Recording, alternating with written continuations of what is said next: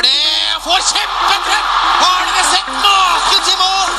Han får et vidunderlig treff! Det må jo være 30 meter! Hvis ikke du kom, så skulle Nei, men nå står jeg og tar imot oss. Jeg skal ikke gjøre jobben din. Jeg, jeg, jeg trener HamKam, og du jobber i NRK. Ja. Ok. Men jeg, har, jeg, har lov, jeg sier at jeg er skuffa over det, mener jeg. Det kom Da får du være litt skuffa over deg sjøl, syns jeg. Ikke begynne å ta ut det på meg at du ikke gjør jobben din. Altså. Det driter jeg i. Jeg er skuffa over at ingen på HamKam har snakka på TV i dag. Om du er skuffa, så dra med mamma og pappa. Ikke med meg. Nå til tippekupongen. Resultatet av den første kampen ble uavgjort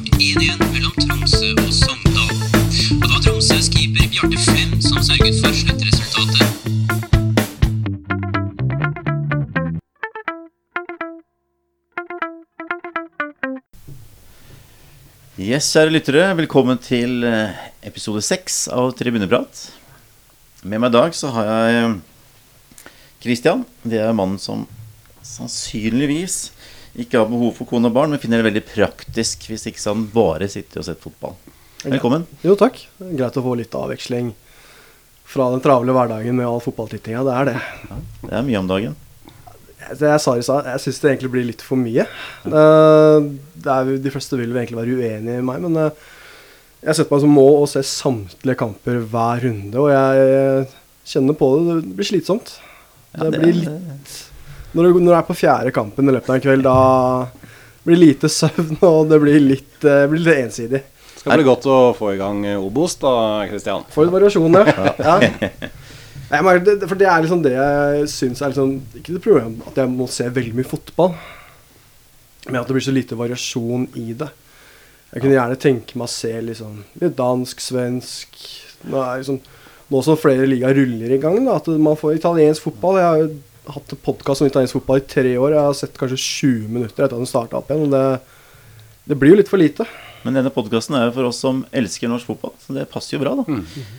Og med meg i dag også så er deg, Lars, du som eh, vurderer å gjøre comeback på Allboys, men er redd for at det ikke lar seg gjennomføre, for du eh, tror du kanskje blir for litt for høyt prisa? Ja, Velkommen. nei, det, jo, takk, takk. Det, den, jeg jeg veit ikke helt hva prisen ligger på nå, men jeg er redd det kan bli høyt. Det kan det sikkert bli. Det blir spennende Så, eh, ja. rundt, rundt eh, overgangsbordet der, Ja. selv om eh, deadline har gått over nå, men Ja, nei, men det er egen deadline på M34 Romerikserien, så eh, det går nok bra. Amatører går vel også utenom det. Hva mener du med amatører? Nei, det er godt å være tilbake igjen, da. Ja, altså, nei, men Ja, du er jo ikke Petter. Jeg er jo ikke Nei. Petter. Nei. Ikke i det hele tatt. Jeg har tatt over Petter i dag. Jeg er jo da Raymond Larsen Elstøangen, som han kaller meg. Sugar Ray, som jeg pleier å si. Jeg prøver meg nå i rollen her i dag, fordi vår kjære Petter, han er på ferie. Han står vel uh, i kø på Molde stadion utafor supportersjappa og skal ha Sinjan Sharif-drakta, er det ikke det? Ja, jo, han han, han snappa i hvert fall et bilde derfra, så vi. Så han var der og prøvde å overtale til å la være å gå, men eh, ja, det var greit at han gikk. Men eh, jeg skal da prøve meg, så det blir spennende det. Litt annerledes å sitte på denne siden av bordet. Men gutter, nå har vi da kommet allerede til eh, serierunde fem. Eh, En sjettedel av sesongen er faktisk over allerede. Ja. Det er ganske sykt. Det, Det er ruller det. på hele tiden. Mm. Eh, Bodø-Glimt ligger eh, aleine i tet nå, som akkurat Molde har avgitt poeng for første gang i år mot Kristiansund. Eh, nederst så er vel noen av de lagene som vi forventa. Start ligger der nede. Eh, Sarpsborg noe overraskende, kanskje. Ja, det er vel den st- største overraskelsen. Mm. Kanskje det. Det er liksom De har kanskje skuffa mest av alle lag. Uh, helt i bunn. Nå sjekker vi live-tabellen. Vi spiller jo den der torsdag kveld mens den spiller mot Ja. Brann. Så per dags dato så har de ett poeng. Vi får se hva de har når episoden er ferdig. Men det, de har ikke kommet godt i gang i det hele tatt. Og med ny trener og Har de ikke null poeng? De har null poeng, men eh, kampen går Ja, akkurat sånn, ja, nå, er så Ja, riktig, så de- live-tabellen Ja, Sånn, ja, riktig. Det varer bare noen minutter, det, så er de på null igjen antagelig. Ja, Det er overraskende at Sarpsborg ligger der nede, men eh, allikevel så syns jeg at de Jeg prata jo litt varmt om Sarpsborg før vi, i, i podden seriestart. Uh, De hadde hatt uh, noen gode treningskamper. Men jeg- syns allikevel at de De har ikke vært så dårlige som resultatene tilsier, eller? Jeg syns de er tamme fremover. Det snakka jeg litt om at jeg syns også var litt av problemet deres gang. Det- Strand Larsen er lovende. Ja, han viser små glimt. Men det er også veldig små glimt da han viser. Uh, med den punchheten i boksen. Og Moss Jeg påpekte jeg syns ikke han har det der killerinstinktet. Du ser ikke den derre sulten etter å krige den ballen i mål. da Det er litt på løpene hans og liksom væremåten i boksen som det Selv om han har vært toppskårer i Eliteserien, så lukter det ikke toppskårer av han, Nei. egentlig. Men jeg, men jeg er litt enig med deg, Raymond. Altså de, de er ikke så dårlige kanskje som det ser ut til på tabellen. Nei. Og Hvis du ser hvem andre som ligger der, med Start og Ålesund, så har de på en måte vist noe helt annet negativt. Eh, og så har jo de kara til seg noen poeng, da, så det skal de selvfølgelig ha. Men, men når de har tapt, så har det liksom vært på en litt annen måte. Og Ja. spesielt Ålesund, selvfølgelig, som har vært helt forferdelig Ja. bakover. Slipper inn utrolig mye mål. Ja. Eh, og som du sier også, Start 0-5 hjemme mot Odd. Mm. Den satt jeg og så. Mm. Det var jo Ok, du kan godt si at eh, det lå vippa litt, og de hadde inn i tverrleggeren og sånne ting, men likevel, når resultatet blir 0-5, da, er da, da er det for dårlig. Ja. Så Start kommer til å slite, og de rota jo bort her nå selvmord på overtid bort mot Haugesund òg. Så, så Start er redd de kommer til å bli liggende der, sånn som vi egentlig alle tre trodde. da Ja, altså både Start og Ålesund har jo egentlig altså Banespillet så er de ikke helt lost. Nei. Uh, de, jeg synes, Særlig Start syns jeg har vært ganske positive fremover på banen. Uh, men det er, det, det, det er slurvete som er defensivt. da Og det er, det er det som er det, det er slurvete. Det er Ålesund uh, mot Mjøndalen nå, hvor de da slipper inn to mål. Det er Hatlebol som glipper på to markeringer. Og så står Grønner, kapteinen, og klager på at det er for enkle feil. Og så vet du at mot Brann for to kamper siden, så var det han som glapp Ja. ved flere anledninger. Så det er enkeltfeil. Det er småfeil som gjør det hele tida. Men uh, Sarpsborg, vi snakka jo Anton Salatros.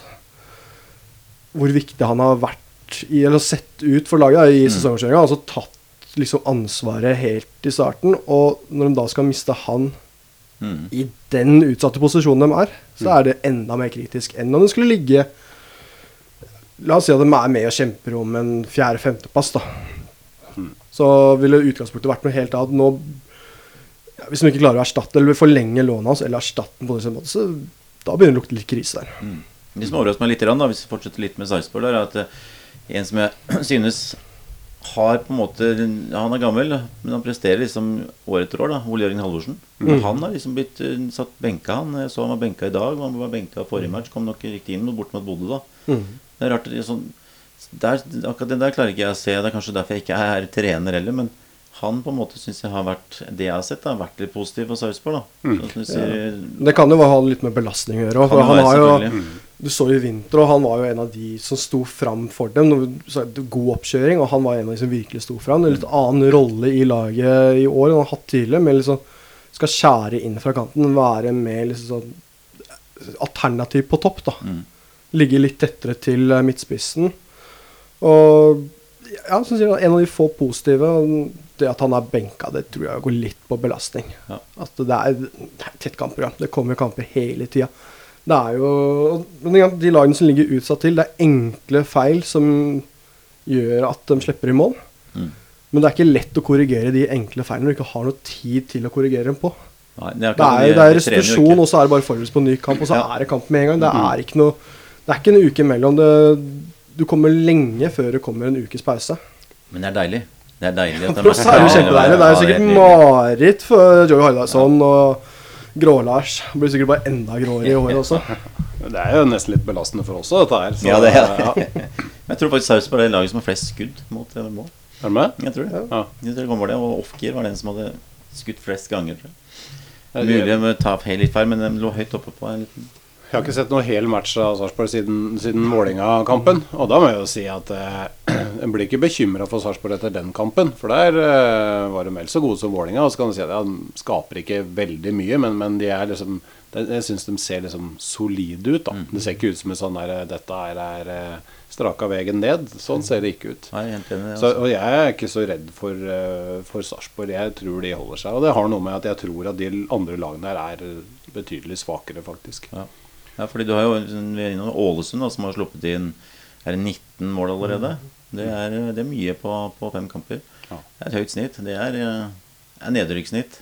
Ja, og sånn som Ålesund og Start, og det er ikke bare at de har sluppet mye, men det er tidspunktene også kommer, da. I tillegg til at det er enkle mål å slippe så er det også De, de skårer selvmål på overtid mot Haugesund. Start sin del, da. Mm. Altså Ja, det lukter nedrykk. Ja, det gjør det altså allerede. Kan, det, var, det, er jo ikke, det er jo ikke overraskende sånn sett. Det er det jo ikke. Eh, Er det noen som har på en måte Er noe å legge merke til etter fem, fem runder, tenker dere? Sånn, eh, jeg nevnte jo Bodø. Det er fem strake. Det er selvfølgelig noe å legge merke til. Det er jo kjempebra. Absolutt. Uh, Altså, de, de er et lokomotiv. Uh, Jan Frode Nordnes også, etter kampen i går, hvor han snakker om at uh, En ting er at vi skal møte Bodø-Glimt, så til vi skal spille med ti mann i 75 minutter. Altså, det er en nesten umulig oppgave, for de, de er så gode. De kommer hele tiden. Men jeg syns Joakim Jønsson da, i Eurosport hadde et veldig godt poeng Uh, med at de har rotert veldig lite på laget. Det er den samme elveren som har starta omtrent hver kamp. Det er Marius Høybråten har vært inne nå for Marius Lode. mm. Ellers så har hun kjørt på det samme laget hele tiden. Og det, ja, det kan være at det ikke blir den belastninga på dem nå, men sånn i lange løp, da. Og de har jo egentlig ganske brei tropp. Altså, Ola Solbakken har kommet inn og øh, helt matchavgjørende mot Rosenborg. Samme skytte har jo kommet inn. Og liksom. Skårer hver gang han kommer Ja. inn på han. Så Så det de har- er, det er bredde der. Absolutt bredde, og så virker det som det er en, sånn, en, en god tanke bak alt. Hvis uh, f.eks. Junker skulle bli solgt til neste, da kommer Boniface inn. ikke sant? Hvis Jens Petter Hauge, da kommer Ola Solbakken inn. Eller hvis noen andre kommer, så kommer Sami Skytte. Så de har de er så, akkurat som de er dobbelt på alle posisjoner der. altså. Så det er, er dypt eh, imponert over Bodøs eh, sesongstart, og, og hele fjoråret egentlig også. Men samtidig så de har jo, selv om de har eh, rotert lite fra kamp til kamp på start, så ofte hvis kampene er tidlig avgjort, så har man gjort veldig mange bytter tidlig, da. Ja. Så det er ikke sånn at Kasper Junker har ikke spilt samtidig Nei, 90 han har ikke minutter. det, er vel øh, Jens, Petter Hauge har jo spilt veldig mye, men han skal jo bort. Mm. Han er jo Så det, at dem overbelaster han, det bryr jo egentlig ikke dem seg om. Nei. Det er jo Seisel Brygges problem seinere. Mm. Og Sinkernagel som har spilt en del, da, men da, da ville jeg nesten vurdert at Sinkernagel kanskje burde vært hvilt litt mer, for han vil jo få enda mer ansvar når Jens Petter Hauge forsvinner. Ja, nei, det er utrolig sterkt. altså. Fem strake. Og veldig gøy. Jeg syns det er veldig kult. Mm. Det er kult og kanskje enda mer imponerende med tanke på at de hadde en så god sesong i fjor. For det er litt sånn det har vært regelen da i, i norsk fotball at hvis det er et av de laga som, som hever seg litt det ene året, så får de en smell eh, neste år. Og Mm. noen har funnet ut av dem eller hva det som skal til. Men eh, de bare fortsetter å kjøre på, og det er veldig gøy. Og vinner de serien i år, det tror jeg ikke, men hvis de gjør det, så syns jeg det er bare, bare moro. Bra for norsk fotball. Jeg tror det har litt med Hvis du ser på en del lag, så er det veldig mye av spillene som er basert på tilfeldigheter. Vi ser på Dag Erle Fagermo, som kjører det samme år etter år. Det er liksom ikke mye forandring i spillestilen. Ene året så klaffer det, andre året så klaffer det ikke. Så det er veldig mye tilfeldigheter som gjør det. Mens Bodø-Glimt så er det mer variasjon. Det, er, det virker mye mer nøye, det man gjør. da.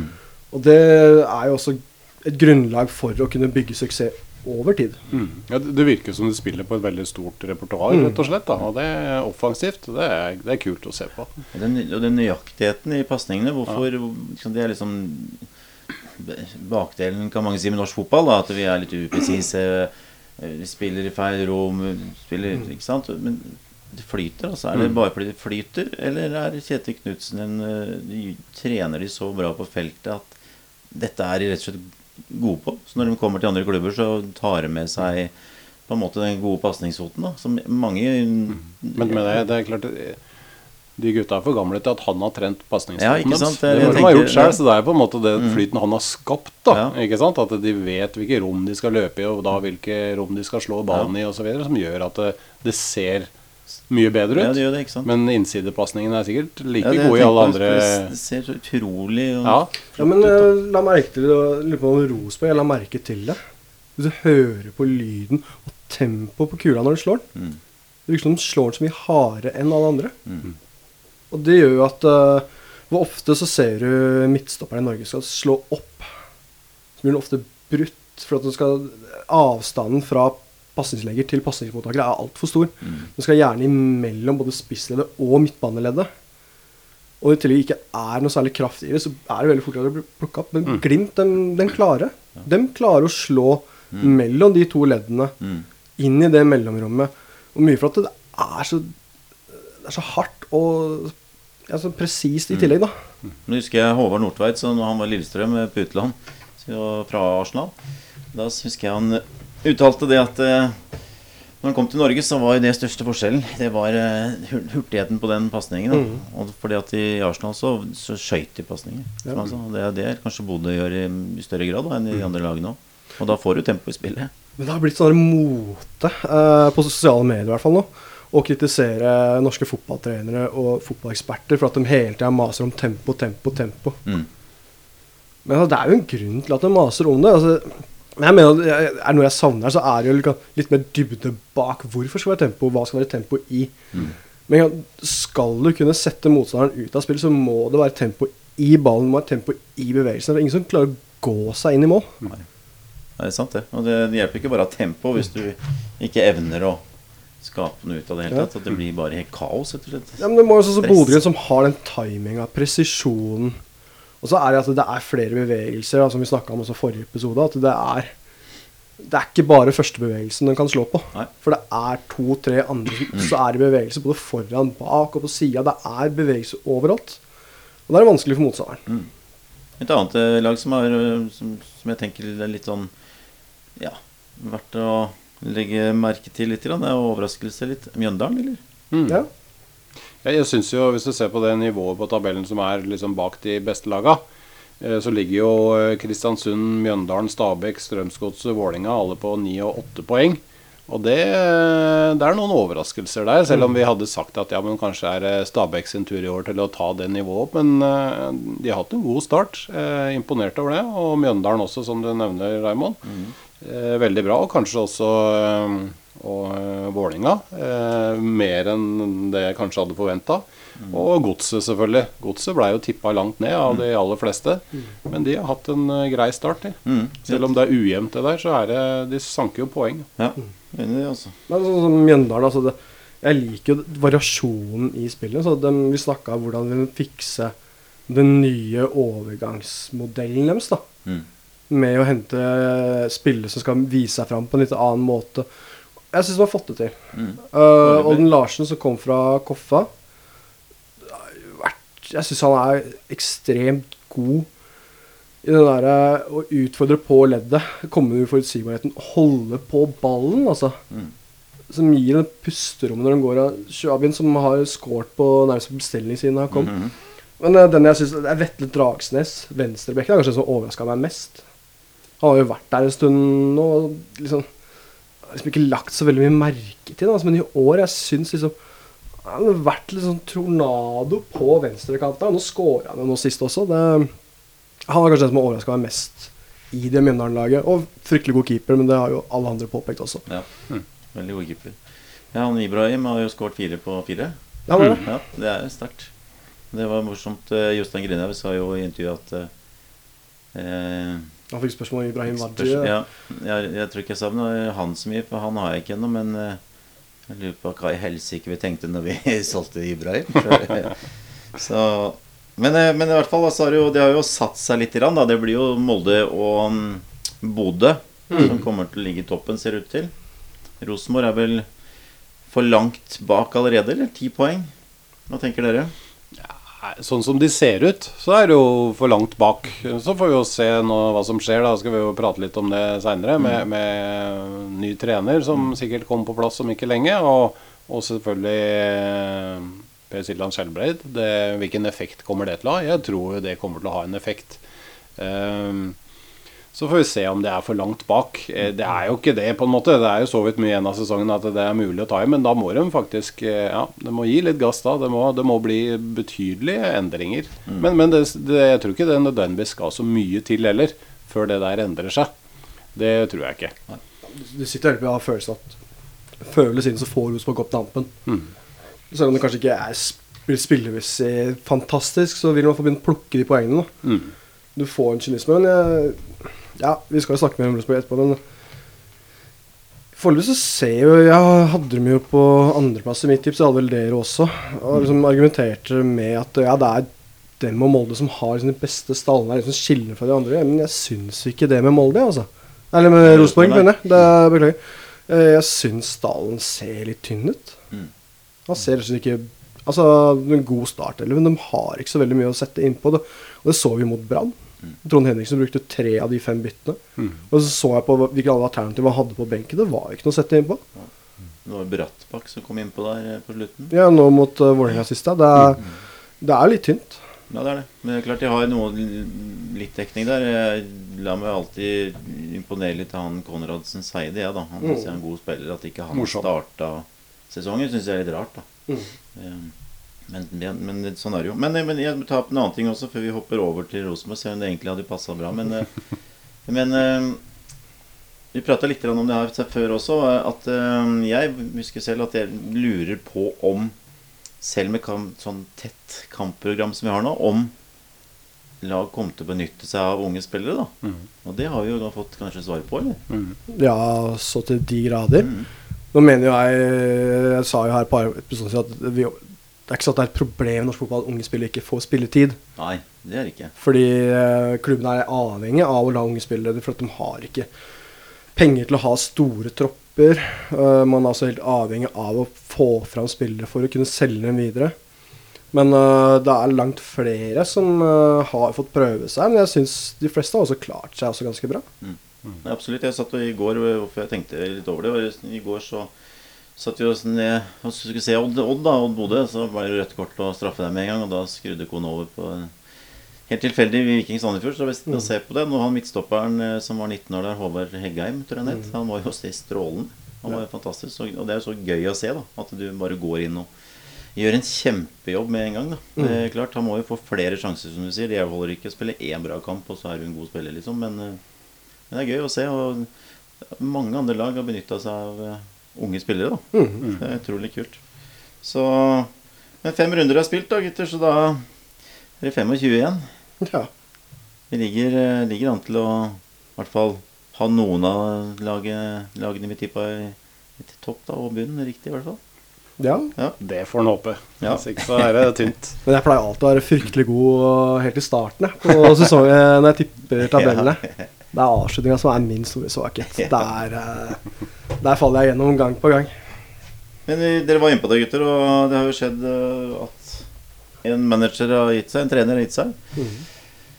Holland måtte forlate Rosenborg. Ikke så veldig overraskende. Spådde vel det ganske kjapt etter tap mot Rosenborg der. Eh, Tap mot nei, tap mot Bodø, mener jeg. Mm. Det var de, Han så rimelig resignert ut, og det har allerede vært et krisemøte der på forhånd. Rosenborg da, ti poeng bak, som nevnt. De, vi har prata litt med spillere, Skjerberg, men trener. Hvem er det som kommer inn? Hvem, hvem må Rosenborg få inn nå? Hva tenker dere, gutta?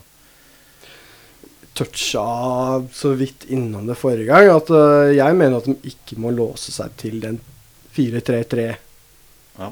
Uh, mentaliteten. At det er uh, Man henger seg veldig opp i fortiden. og det her er Rosenborg-fotballen. Eh, men det virker jo som at det er det eneste fokuset de har, er å få inn en 4-3-3-mann. Og eh, du må gjerne ta liksom grunnfilosofien. Det her er Rosenborg-fotballen. Det er sånn vi ønsker å fremstå, men det må være forskjellige måter å gjøre på. Og du kan ikke bare låse deg til 4-3-3. Men det virker de å gjøre, og det, det vil jo hemme dem da, på lang sikt, sånn utviklingsmessig. Det er, jeg er helt enig i det. det at, de, at de skal henge seg opp i det er eh, Nå er ikke 4-3-3 noe utdatert system på ingen måte, og det kommer det kanskje aldri til å være heller. Men så lenge de på en måte leter etter den eh, eggen, og så lenge de på en måte har bestemt at det skal være sånn og sånn, så, så virker det for meg som ja, men det er litt sånn dinosaur over det greiene der. For det, alle de andre lagene endrer seg. Det må Rosenborg også være klar til. Og det, de må gjerne, som du sier, ha den 4-3-3-filosofien i bunnen, men de må være mer fleksible, de også. Og det tenker jeg blir viktig når de skal ut og hente nå. At de på en måte eh, tenker litt på den måten, og ikke ser etter det samme en gang til, og, og, eh, og feiler på det. Og det er ganske tøff jobb å komme inn eh, der nå. Det er ikke bare bare. Eh, Jeg tenkte jo når de henta Horneland, ja, at det, han er jo bra type og sånn, men eh, ja, jeg er positiv. Ja, men ja. det, det var jo ikke i nærheten. Det, det blei jo ikke bra. Eh, og kanskje er det ikke sånn at de skal finne en som på en måte er god i en mindre klubb, og bringe han opp. Det, liksom, det har jo vært snakk om om treneren til Bodø-Glimt flere ganger, og, og øh, kanskje er det feil å tenke på den måten. Eh, Selv om det er veldig fristende nå, sikkert, da, når du ser hvordan Bodø-Glimt spiller. For det er jo litt uh, som å se på Rosenborg i glansdagene. At det går liksom med høyt tempo og god presisjon, og de kommer med tunge på overgangen, og det går unna. Mm. Og da eh, kan man tenke det, men det hadde vært veldig synd om det, om det hadde gått den veien. Det syns jeg. Jeg er absolutt enig i det. Det hadde vært, eh, det hadde vært veldig dumt for norsk fotball da, hvis de Mm. skal rappe ja, Bodø sin uh, Jeg tror ikke det kommer til å skje. Nei, Eh, Jeg tror ikke han er villig til å gå akkurat nå. Eh, Hadde det vært etter sesongslutt, så tror jeg han hadde vært kanskje litt mer villig til å kunne ta det. Men med den sesongstarten Bodø-Glimt har hatt, så tror jeg ikke han er villig til å kaste seg på det Rosenborg-toget nå.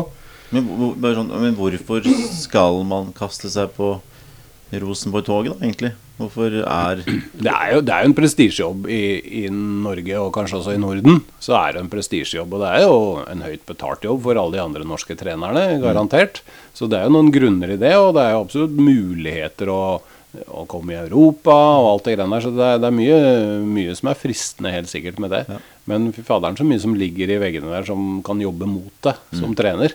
Og det tror jeg kan skremme mange også. Men eh, det, uansett om det vil gå bra eller dårlig, så er eh, Altså Den posisjonen Rosenborg har da i norsk fotball, eh, og i Norden, som du sier, etter de årene man hadde suksess i Champions League, så ser det bra ut på CV-en.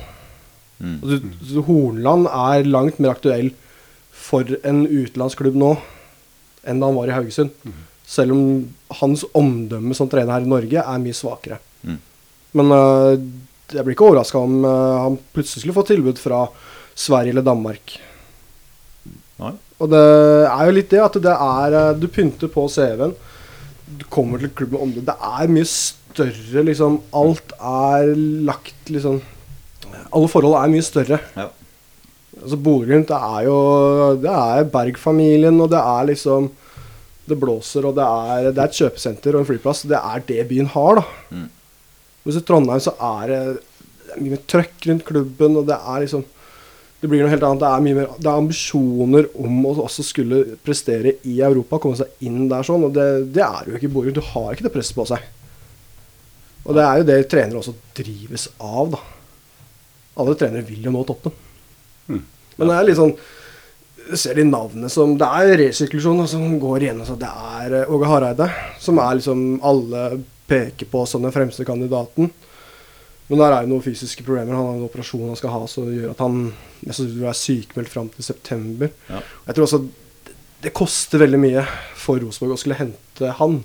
Både i lønn og også Han gidder jo ikke å ta av. Som jeg sa, det er en tynn tropp, egentlig. I forhold til Molde så har de en mye svakere tropp. Og jeg tror han er ganske klar på, hvis han tar et sånt prosjekt, at da skal han ha garantier for at den bygger det laget han vil ha. Han vil ha mer makt også, vil jeg tro.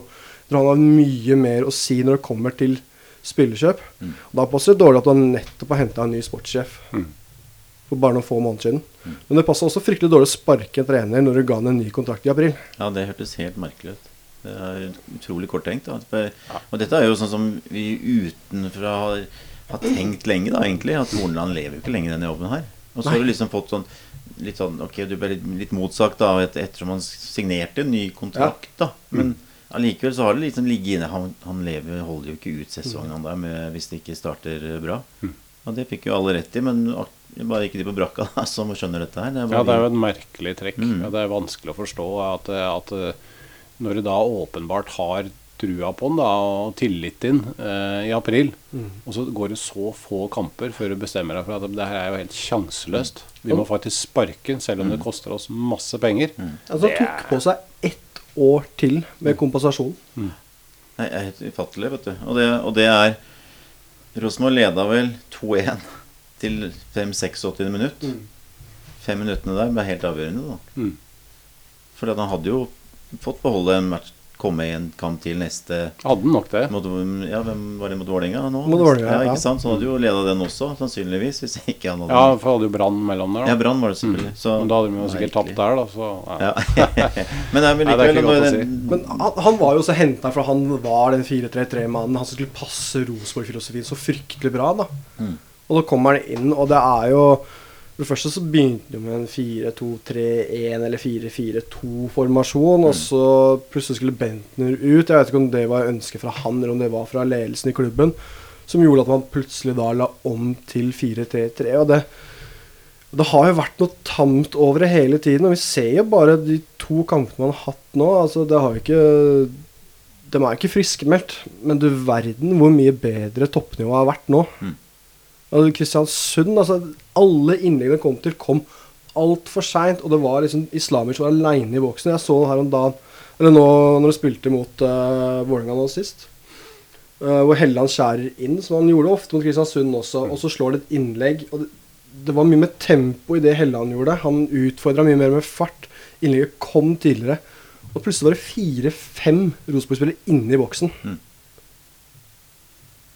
Og det er liksom Nei, det, de er ikke friskmeldelsestider, men det er noe på den, det er, det, er, det er fremgang. Det er fremgang, ja.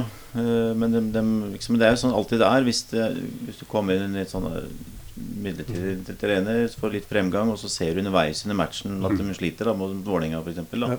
Så var det ganske greit til tider. Og så detter de jo unormalt, da. Rosenborg er rart å se Eller det er ikke så rart lenger, for nå har de drevet- de på andre året, da. Men dette skjedde ikke før. Men, men dere har nevnt ja, Men Brann også, den var jo helt på hæla også en periode. ja, ja. Brann var jo Det var jo eh, taktisk feil valg av spillerne og litt sånn udyktighet og u uflaks da, som gjør at ikke Brann går opp til 2-1 der. Mm.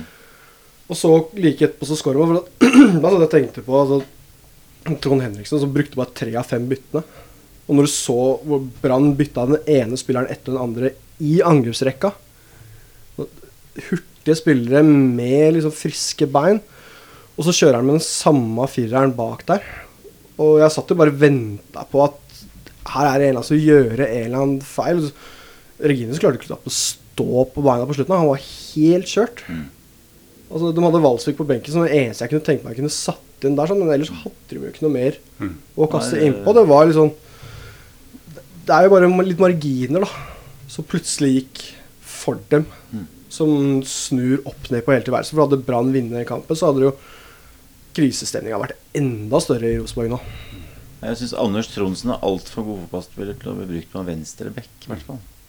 Syns jeg, da. Så det, sånn, det forteller litt om Rosenborg at de må begynne å bruke spillere som egentlig ikke passer inn. På feil plass, ja. ja det Ja, er men da sjelden Birger godt. På vei bort, og da er det enten Tronsen eller Edvard Tagseth da, som skal bekle den venstrebekkposisjonen.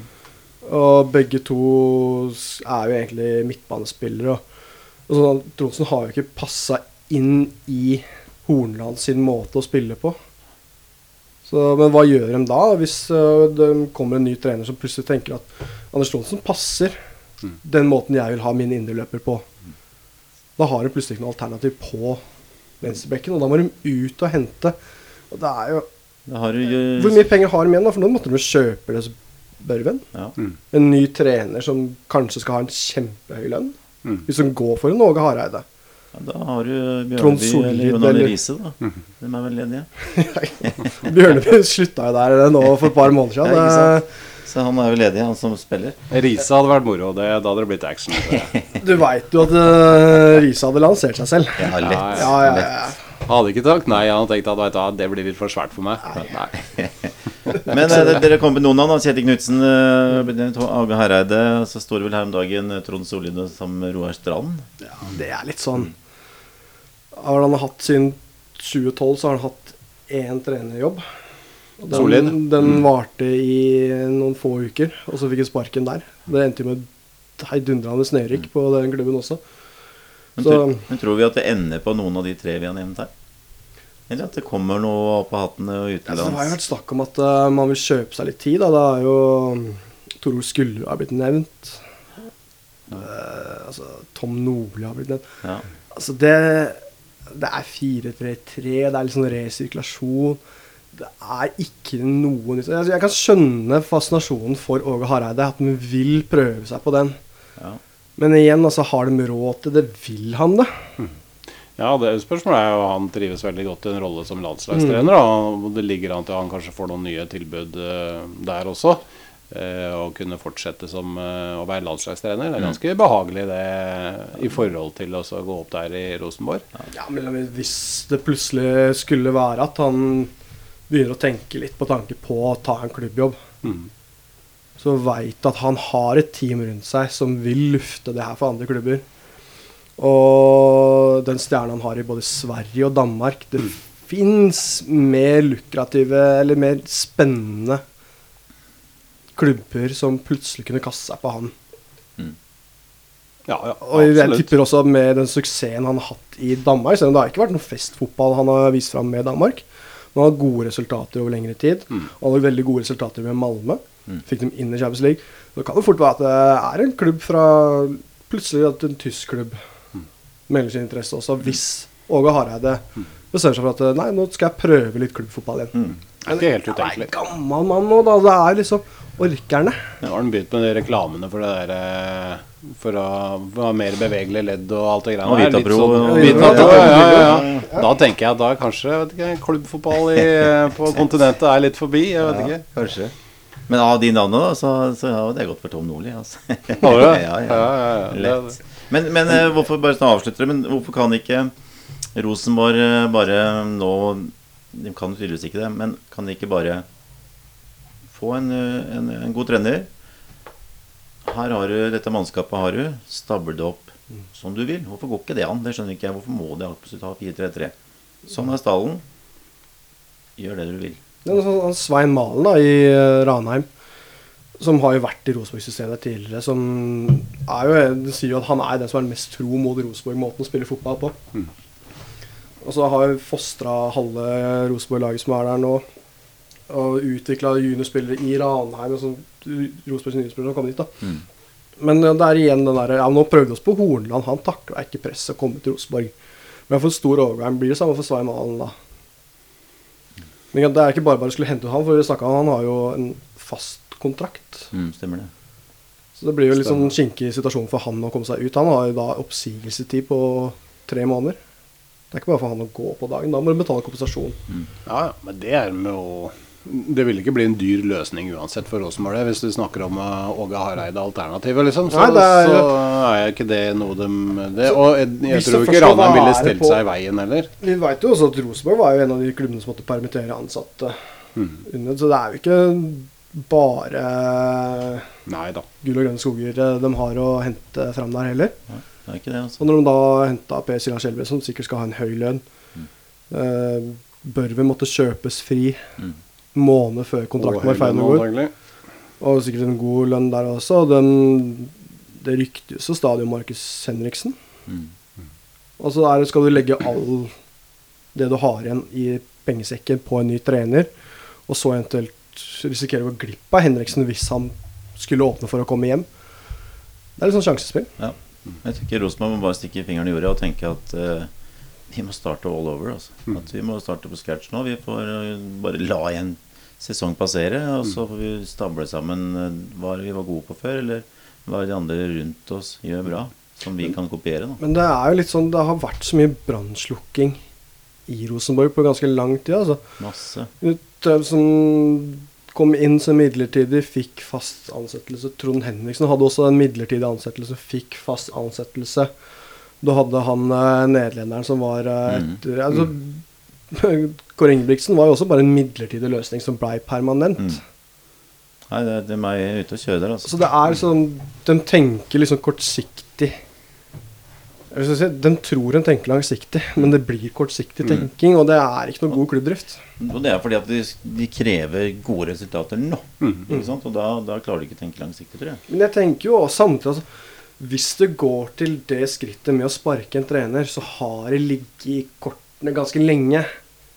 Det er ikke ett tap som snur opp ned på alt. Nei. Du har Åpenbart ikke så veldig lenge i det tilfellet Ja, men, der. altså, Siden jeg- de skrev ny kontrakt med Nei, ikke sant? Men det, er det, det er det som har fått stusset. Man skrev kontrakt med for bare et par måneder siden. Etter tre seriekamper så sparker de. Det henger jo ikke på greip. Det gjør jo ikke for en god klubb ville på en måte finne Ok, venta på den timinga. Og hatt på en måte Da har vi jo alt det juridiske klart, så du bare trenger ikke bare sette datostempling på oppsigelsesbrevet. Alt annet er på stell, og da mener jeg altså at da bør også en erstatter være på stell. Ja. For at det, dårlige resultater over tid er det som fører til sparking, og da har du også sondert markedet. Du har en kandidat klar. Så jeg mener at innen 24 timer så bør en ny hovedtrener være på plass. Ja, hvis den driver godt. Ja, hvis den driver godt. Men det er øh, Det gjør den tydeligvis ikke. Nei. Skal vi se litt inn i krystallkula? Hvem er neste manager i Eliteserien som må gå? Hvem trener? Jeg bruker manager hele tida? Trener. Hvem er neste trener som må gå, tror dere, gutter?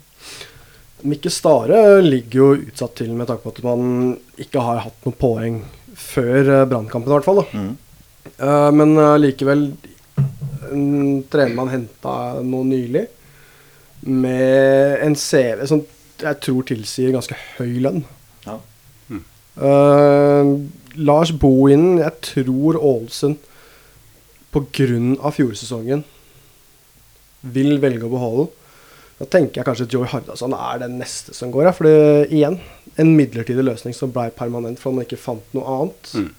Jeg tipper ikke han har så veldig høy lønn blant trenerne i Eliteserien. No. Det virker så dyrt å få han ut. Og en fyr dem ikke nødvendigvis trenger å kvitte seg med. For han er så knytta til klubben, så jeg tror fort at uh, det her funker ikke. Vi finner en ny rolle til deg.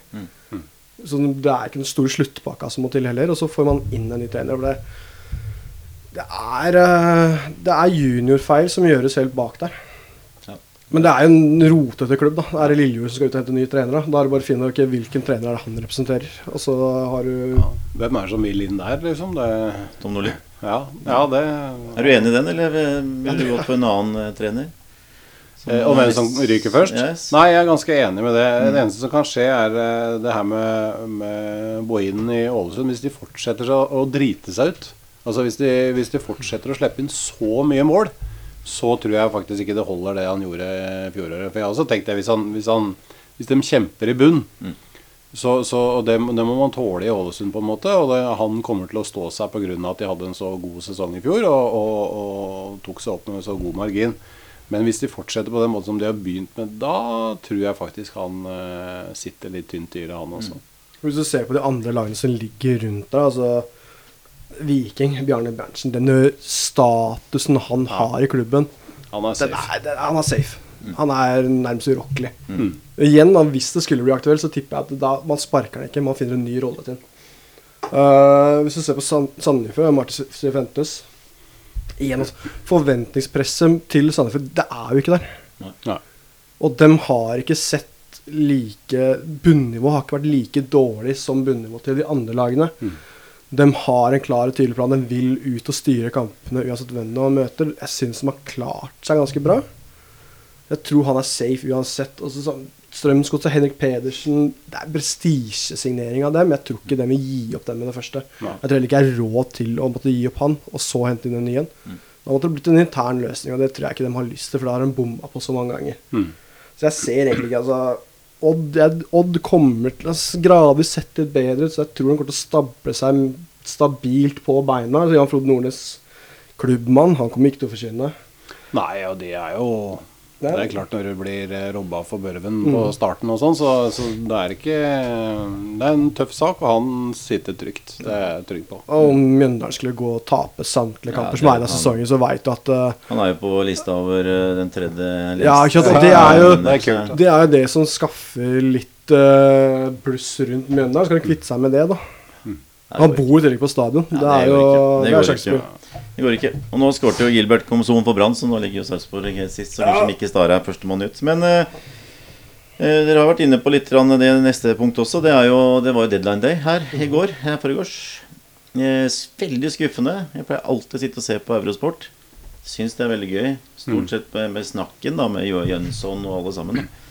Det var ingenting. Jeg så det var noe på Twitter, men det var ikke like spennende. Det skjedde ikke så altfor mye. For min egen del da, så forsvant jo Sheriff Sinjan ut portene på Åråsen opp til Molde, som begynner å bli ganske vant til at de fleste spillere går fra Lillestrøm til Molde.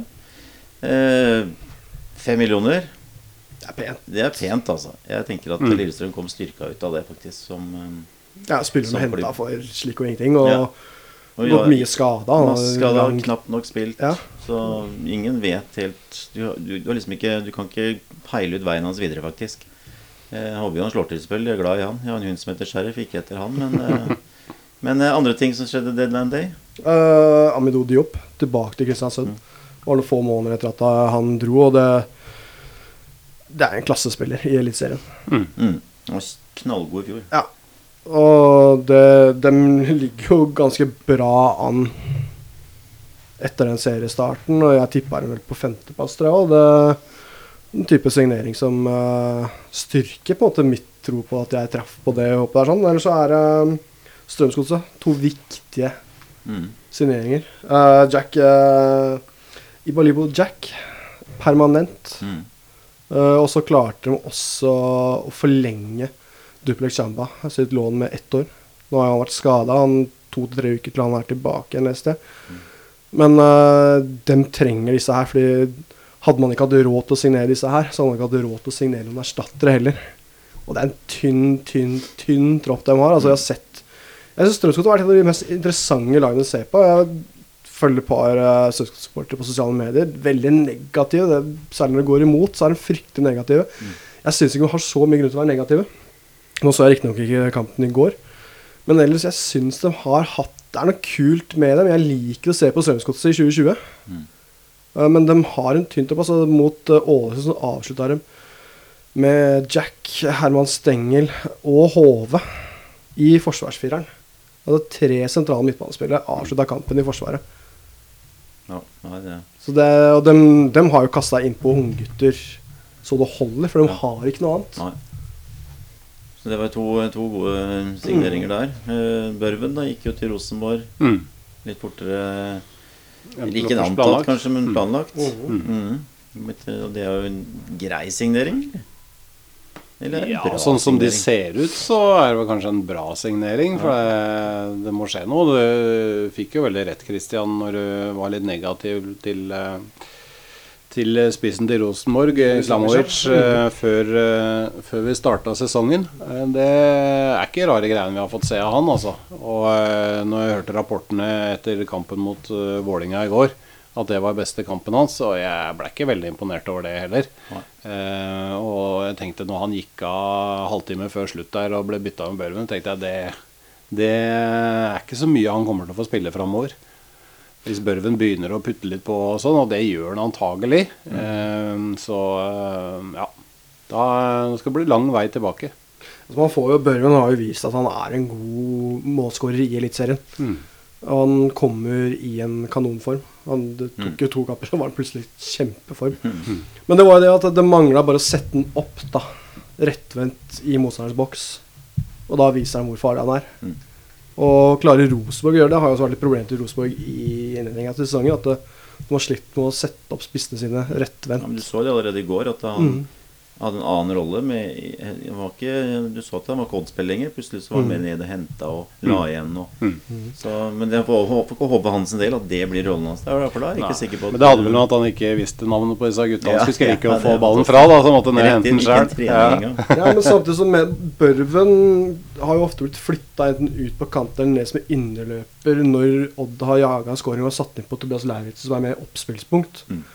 Det kan jo være at Rosenborg gjør mye av det samme, for Dino Islamovic er mer et oppspillspunkt-type. Ja.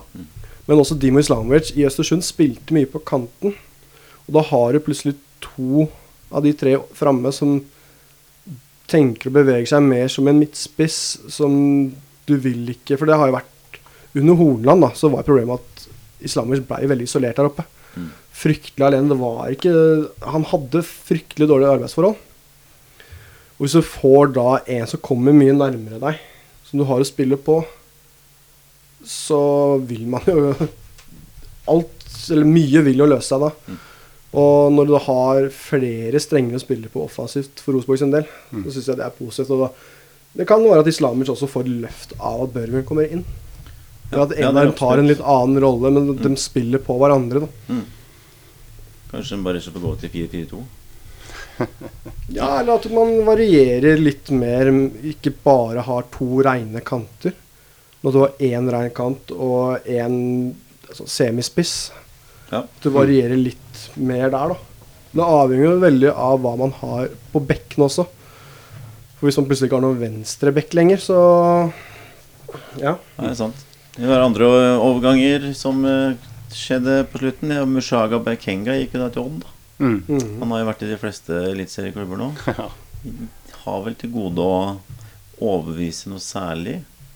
Siden han var ung gutt i Rosenborg og gikk til Brygge, var det det? Ja. Etter det så har det pekt nedover. Ja, Mm. det har Så jeg håper i hvert fall på Odd sin del da, at, eh, at Tobias Lauritzen tar den plassen. At Bakenga ikke er ment for å komme inn som Børven. At han Lauritzen igjen da må Vike. vike. Ja. Men jeg ser jo ikke helt altså, Lauritzen med den størrelsen han har, er en mer sånn game changer-type som du kan kaste innpå enn skal snu opp på kampforløpet. Ja. For det husker jeg særlig kampen mot Vålerenga i fjor, hvor de satte han på topp, og så flytta de Børven ned som indreløper. Og plutselig så kunne man spille på en helt annen måte. Han slo de lange ballene opp på Vålerenga-stopperne som ikke fant ut av hvordan de skulle ta han. Og så hadde du Børven som kom på løp der. så det skapte Men igjen da, så tok det et par minutter før vi gjorde om på Rokenga. Så det, man fikk ikke noe ut av det. Men det er, liksom, det er den rollen jeg ser for meg Lauritzen. Jeg, jeg syns ikke han er så veldig mye mer enn det. Jeg, Nei, vi Nei. får se. Jeg, jeg, for hans del så håper jeg virkelig at han eh, får sjansen nå. De har resignert i hvert fall ett år til, gjør de ikke det? Og, eh, Tobias Lauritzen, så Mm. Andre som, som eh, kom inn på deadline day, da, så var det i hvert fall uh, Øygarden. da Som jeg egentlig savner litt grann den vimpelen eh, som Ja, henger inni der. altså. Så den syns jeg vi ville hatt her. For eh, ettersom vi har, vi har diskutert litt Øygarden litt, og vi er litt uenige om det ryker ned og, eller holder seg. Og det er kaosklubb og Ja, hele opp. Men de har jo raska til seg noen spillere nå òg. Riktignok veldig høye spillere. Peter Michael fra Vålinga ja, som man trodde kanskje skulle få Jeg syns han så litt frisk ut i vinter. Jeg trodde han skulle få litt spilletid, men uh, det kom uh, Stokke inn. Så da var veien fram til førstelagsspill for han veldig lang. Og da er det tilbake til uh, Obos-ligaen. Men han, han var jo Obos i fjor òg, Ja. uten at han tok Ja. den ligaen med storm. Stefan Antonovic uh, fra Mhm. Sogndal til Øygarden. Også Høyre-spiller. Veldig. Ja. Så de har eh, de, Jeg så i hvert fall hvis, hvis den elveren hvis, hvis på en måte Ut fra navnet, da Nå kan ikke elveren til Øygarden uh, ennå. I morgen, kanskje. Men eh, ikke ennå. Da, det var det fem-seks spillere der som rager eh, godt over 1,90. Så det Og på naturgress. Mm. Kommer ut i november-desember. Da kan Øygarden bare Det er kanskje det som må gjøre at den holder seg. Ikke sant? Vi vet ikke.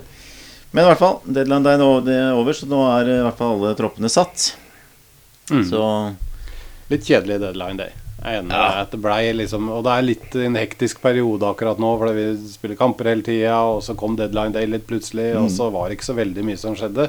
Jo, det er veldig gøy, mm. eh, men eh, ellers så var det ikke så veldig mye spennende, syns jeg. Og det var lite overraskelser. veldig lite overraskelser. Eh, Jeg regner med at Stabæk skulle komme på banen her og et eller annet. Mm. Kanskje Torgeir Bjarmann ikke er som Inge André Olsen helt. Det Ja. skjedde alltid noe med Stabæk. Det er jo morsomt. Ja, det er sant. Ja, Men ikke det nå. Men gutta boys, eh, jeg har lagd en liten quiz jeg tenkte vi skulle ta nå. Ja. Så mm, da er det bare å sette seg ned, dere der hjemme også. For eh, jeg har prøvd da å lage på rim, da. Som, eh, som, Så hører og bør. det som hører bør. Så for uh, Er det, er det spillebussen vi skal på? Nei, det er, det er fem spørsmål. Å ja, sånn ja. Ja. Uh, så det første Første skriver dere ned, andre skriver ned, og så må jeg ha svarene, for da går vi litt sånn videre på Ok. Ja. Så hvis vi tar spørsmål én, da. Mm. Så Norge er en fotballnasjon som sjelden er med når det virkelig tar seg opp. Stort sett spilles det kvalifisering, så er det stopp. Til VM 1998 kom vi riktignok med som soleklare vinnere i gruppe tre. Denne gruppen, som alle andre, består av ulike land, nemlig fem. Norge, fire andre. Kan du ramse opp dem? Her er det da fire poeng, da.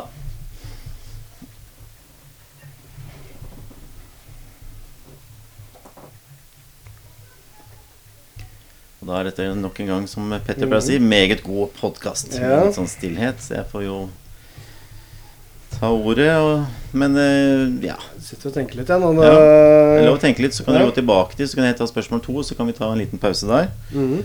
uh, spørsmål to, da. Her er det ett poeng. I disse tider var vårt landslag virkelig på glid og spilte fotball som var god. Av spillere å nevne var Bjørneby, Solbakken, Rekdal og Jostein Blod. Men kun én mann spilte samtlige kvalifiseringskamper til VM i Frankrike.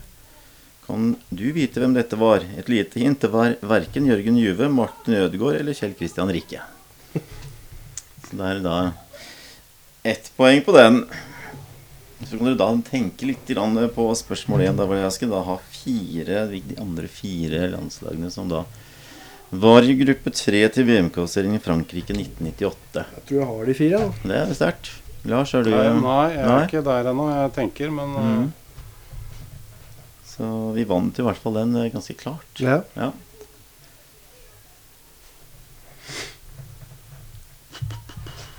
Så jeg tenker at eh, Lars skal bare skrive ned det siste der nå, så skal vi ta svarene på spørsmål 1 og 2 før vi går videre. Åssen går det på rim? Syns du det er greit? Jeg likte det. Det var ja, fint. bra, Det var bra. Jeg har hørt deg rime flere ganger tidligere. Du er god på det. du får eh, Ja, tenker og tenker nå. Jeg lurer på om vi må bare sette en strek der, Lars, og så Ja. ta svara. Der eh, skal jeg liksom starte med deg der, Kristian. Så Skal jeg ta dem? Ja. Finland, Sveits, Aserbajdsjan og Ungarn. Det er faktisk helt korrekt. Det er fire poeng rett i boksen, det, altså. Takk. Mhm. Ja, jeg hadde ikke Aserbajdsjan. Nei. Nei. Det skjønner jeg veldig godt, egentlig. Nei, den Men når vi eh, tenker på at unna, Du har en del 100 000 millioner timer mindre fotballtitting enn da mannen til høyre for deg. Ja, det er altså. sant. Det er sant. Så, ja. Og så ble jeg så sykt opphengt i det greiene der at eh, kan vi ta toeren en gang til, eller? Absolutt, absolutt. absolutt I disse tider var vårt landslag virkelig på glid, og vi spilte fotball som var god. Han spiller å nevne var Bjørneby, Solbakken, Rekdal og Jostein Flo. Men kun én mann, ikke av de fire altså, spilte samtlige kvalifiseringskamper til VM i Frankrike.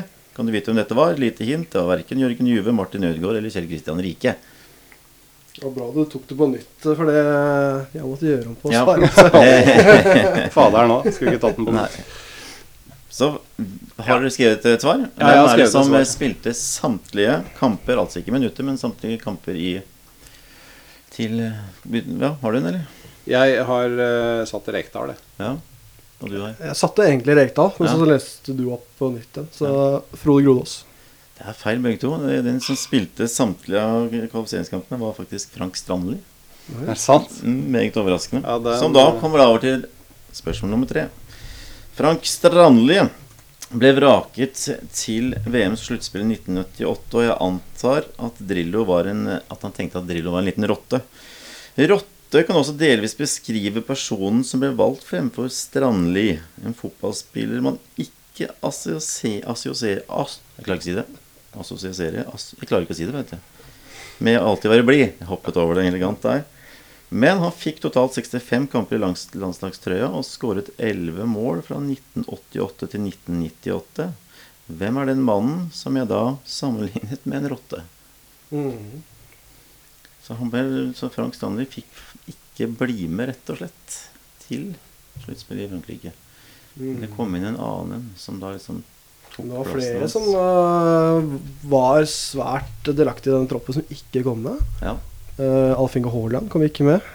Heller ikke Petter Rudi, som spilte nesten Ja. alle kampene. Så det var litt sånn øh, Men her var det spesifikt som liksom Jeg husker, jeg husker det fra avisa at han liksom tok plassen til Strandli. Ja. Og rotte, det kan jo da være liksom litt øh, Ja. Men ja, jeg husker i hvert fall tidlig, tidlig 90-tall at han hadde sånn hårsveis. Og, og så Det holder med tipsene nå. Altså. Det, Eh, eh, men jeg, Vi bør ikke ha svaret der egentlig, men vi kan jo ta det med en gang. Men eh, mm. det, det er ikke noe Jeg skal tilbake til Frank til neste, på neste spørsmål, så jeg må ikke ha svaret. Så hvis du tenker litt til, Lars Eilertsen, så skal du få lov til det. Gjerne. Ja, Da tar vi spørsmål fire. Tilbake til Frank fra Kristiansand. En målfarlig og ganske så fyldig mann. Ryktene forteller at han var glad i å rulle hundrelapper og røyke disse som sigaretter. At han var glad i ølen pint og ganske så kalorimektige matretter. Ganske sikker på at han likte burgere, pizza, kebab og pølse med potetmos. Men allikevel gjorde han god karriere i Start, Leeds, Brann, Lillestrøm og Panathinaikos. Men i denne lista mangler hans siste stoppested før han ble erklært fotballinvalid i 2002. For dette laget spilte han 53 kamper og skåret 24 mål. Rett og slett ganske så god. Jepp, ferdig. Oi, oi, oi. Ikke si sånn da, Christian. Det er så deilig å ha quizen, for da slipper jeg den der presset om at disse rundt klarer det med en gang. For jeg er jo da, ligger jo nederst på dette, så nå slipper jeg i hvert fall få noen poeng denne gangen. Så husk på dette må vi notere ned. Håper dere podkastlyttere også klarer noen av spørsmålene. Det tror jeg faktisk. Ja. ja vi har fått uh, få, men gode tilbakemeldinger på quizene. Ja. Folk har likt det. Ja, bra. Men uh, gi oss gjerne mer Ja. tilbakemeldinger. Altså, vi veit ikke hva- fungerer, hva fungerer ikke. Vi Hva fikk er det vi er dårlige på? Vi fikk jo en tilbakemelding her. Uh, Petter ble litt høy på seg sjøl, for det var en tilbakemelding som sa han ville ha mer Petter i monitor. Ja. Og så kom Petter med en uttalelse, og da fikk jeg melding fra samme fyren. Jeg tar det tilbake igjen. Eh, er Det var, det? var Petters hat mot korte cornere som var Utslagsgivende. da, da hadde fått nok. Kanskje derfor jeg sitter i programlederstolen i dag? Da må jeg huske å si eh, hei til Andreas Bryn, som eh, da har vært flink til å gi meg tilbakemeldinger og hørt på alle bra. episodene våre. Vi liker det. Ok, da hopper jeg til spørsmål fem. Aalborg er en eh, dansk klubb som har hatt en del norske spillere over årene i sitt lag. Petter Belsig, Bård Borgersen, Totto Dalum, Ståle Solbakken, Thomas Gill, Fredrik Vinsnes, Trond Andersen, Daniel Fredum Holm og Kjetil Wæler, om du kan ditt fag. Men jeg lurer på hvilken norsk spiller som spiller der i dag. Og da er Kristian rett på å skrive der. Det er ikke så, det er utsikring, vet du. Det er ikke sikkert han skriver riktig, Lars. Nei, men han har lyd på det der. Har bare så jeg hører at det Antall klikk hørtes riktig ut. Men da er vi i hvert fall Hvis vi starter med den rotta, da. Hører jeg skriver, eller? Ja, jeg hører. Ja. Holdt mange bokstaver. Hvis vi starter med rotta på spørsmål tre, hvem er det som stjal eh, plassen til Frank Strandli? Mannen som uh, erklærte Han fikk spørsmål når var hjemreisedato. Da meldte han dagen etter finalen. Da skulle han komme hjem som verdensmester. Jan Ivar Mini Jacobsen. Helt riktig. Den hadde jeg ikke. Nei. Han, han hadde sånn rottehale. husker du? Ja, ja, Mm. Ja, stemmer det. Og så var det da hvilken klubb eh, Frank Strandli avsluttet karrieren sin før han ble invalid?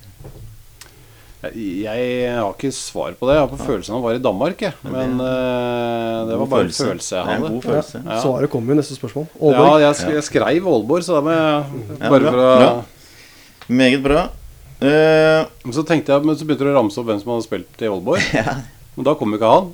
Hva? Du ramsa ikke opp alle. Nei, jeg eller? ikke opp han da. Det, Det er han som spiller der nå. Er det Strandli? Det, det, er, Iver. Fossum. Riktig. Bra, gutter. Det er helt riktig. Så da ma mange Jeg bare noterer her til eh, Petter er vel tilbake i den stolen neste. Men uh, mange poeng ble det på deg, Christian? Det var ganske Eh, mange. Du sa ikke hvor mange poeng det var på de siste spørsmålene. Ett ett, poeng. ett, ett og fire. Ja, da ble det fem, seks, sju. Sju poeng. Sju og åtte. Og Lars? Vi kanskje ikke sier det høyt? Én, to, tre, fire, fem. Tre på den første, og så Ja, de to siste. Meget bra. Mm. Veldig bra. Så da var eh, Har vi i hvert fall fått gjennomført en quiz på rim. Det kommer flere av de, kjente jeg. Det var gøy. Det var gøy å holde på med. Det er sikkert gøy å høre på, det, altså. Sær liten hobby.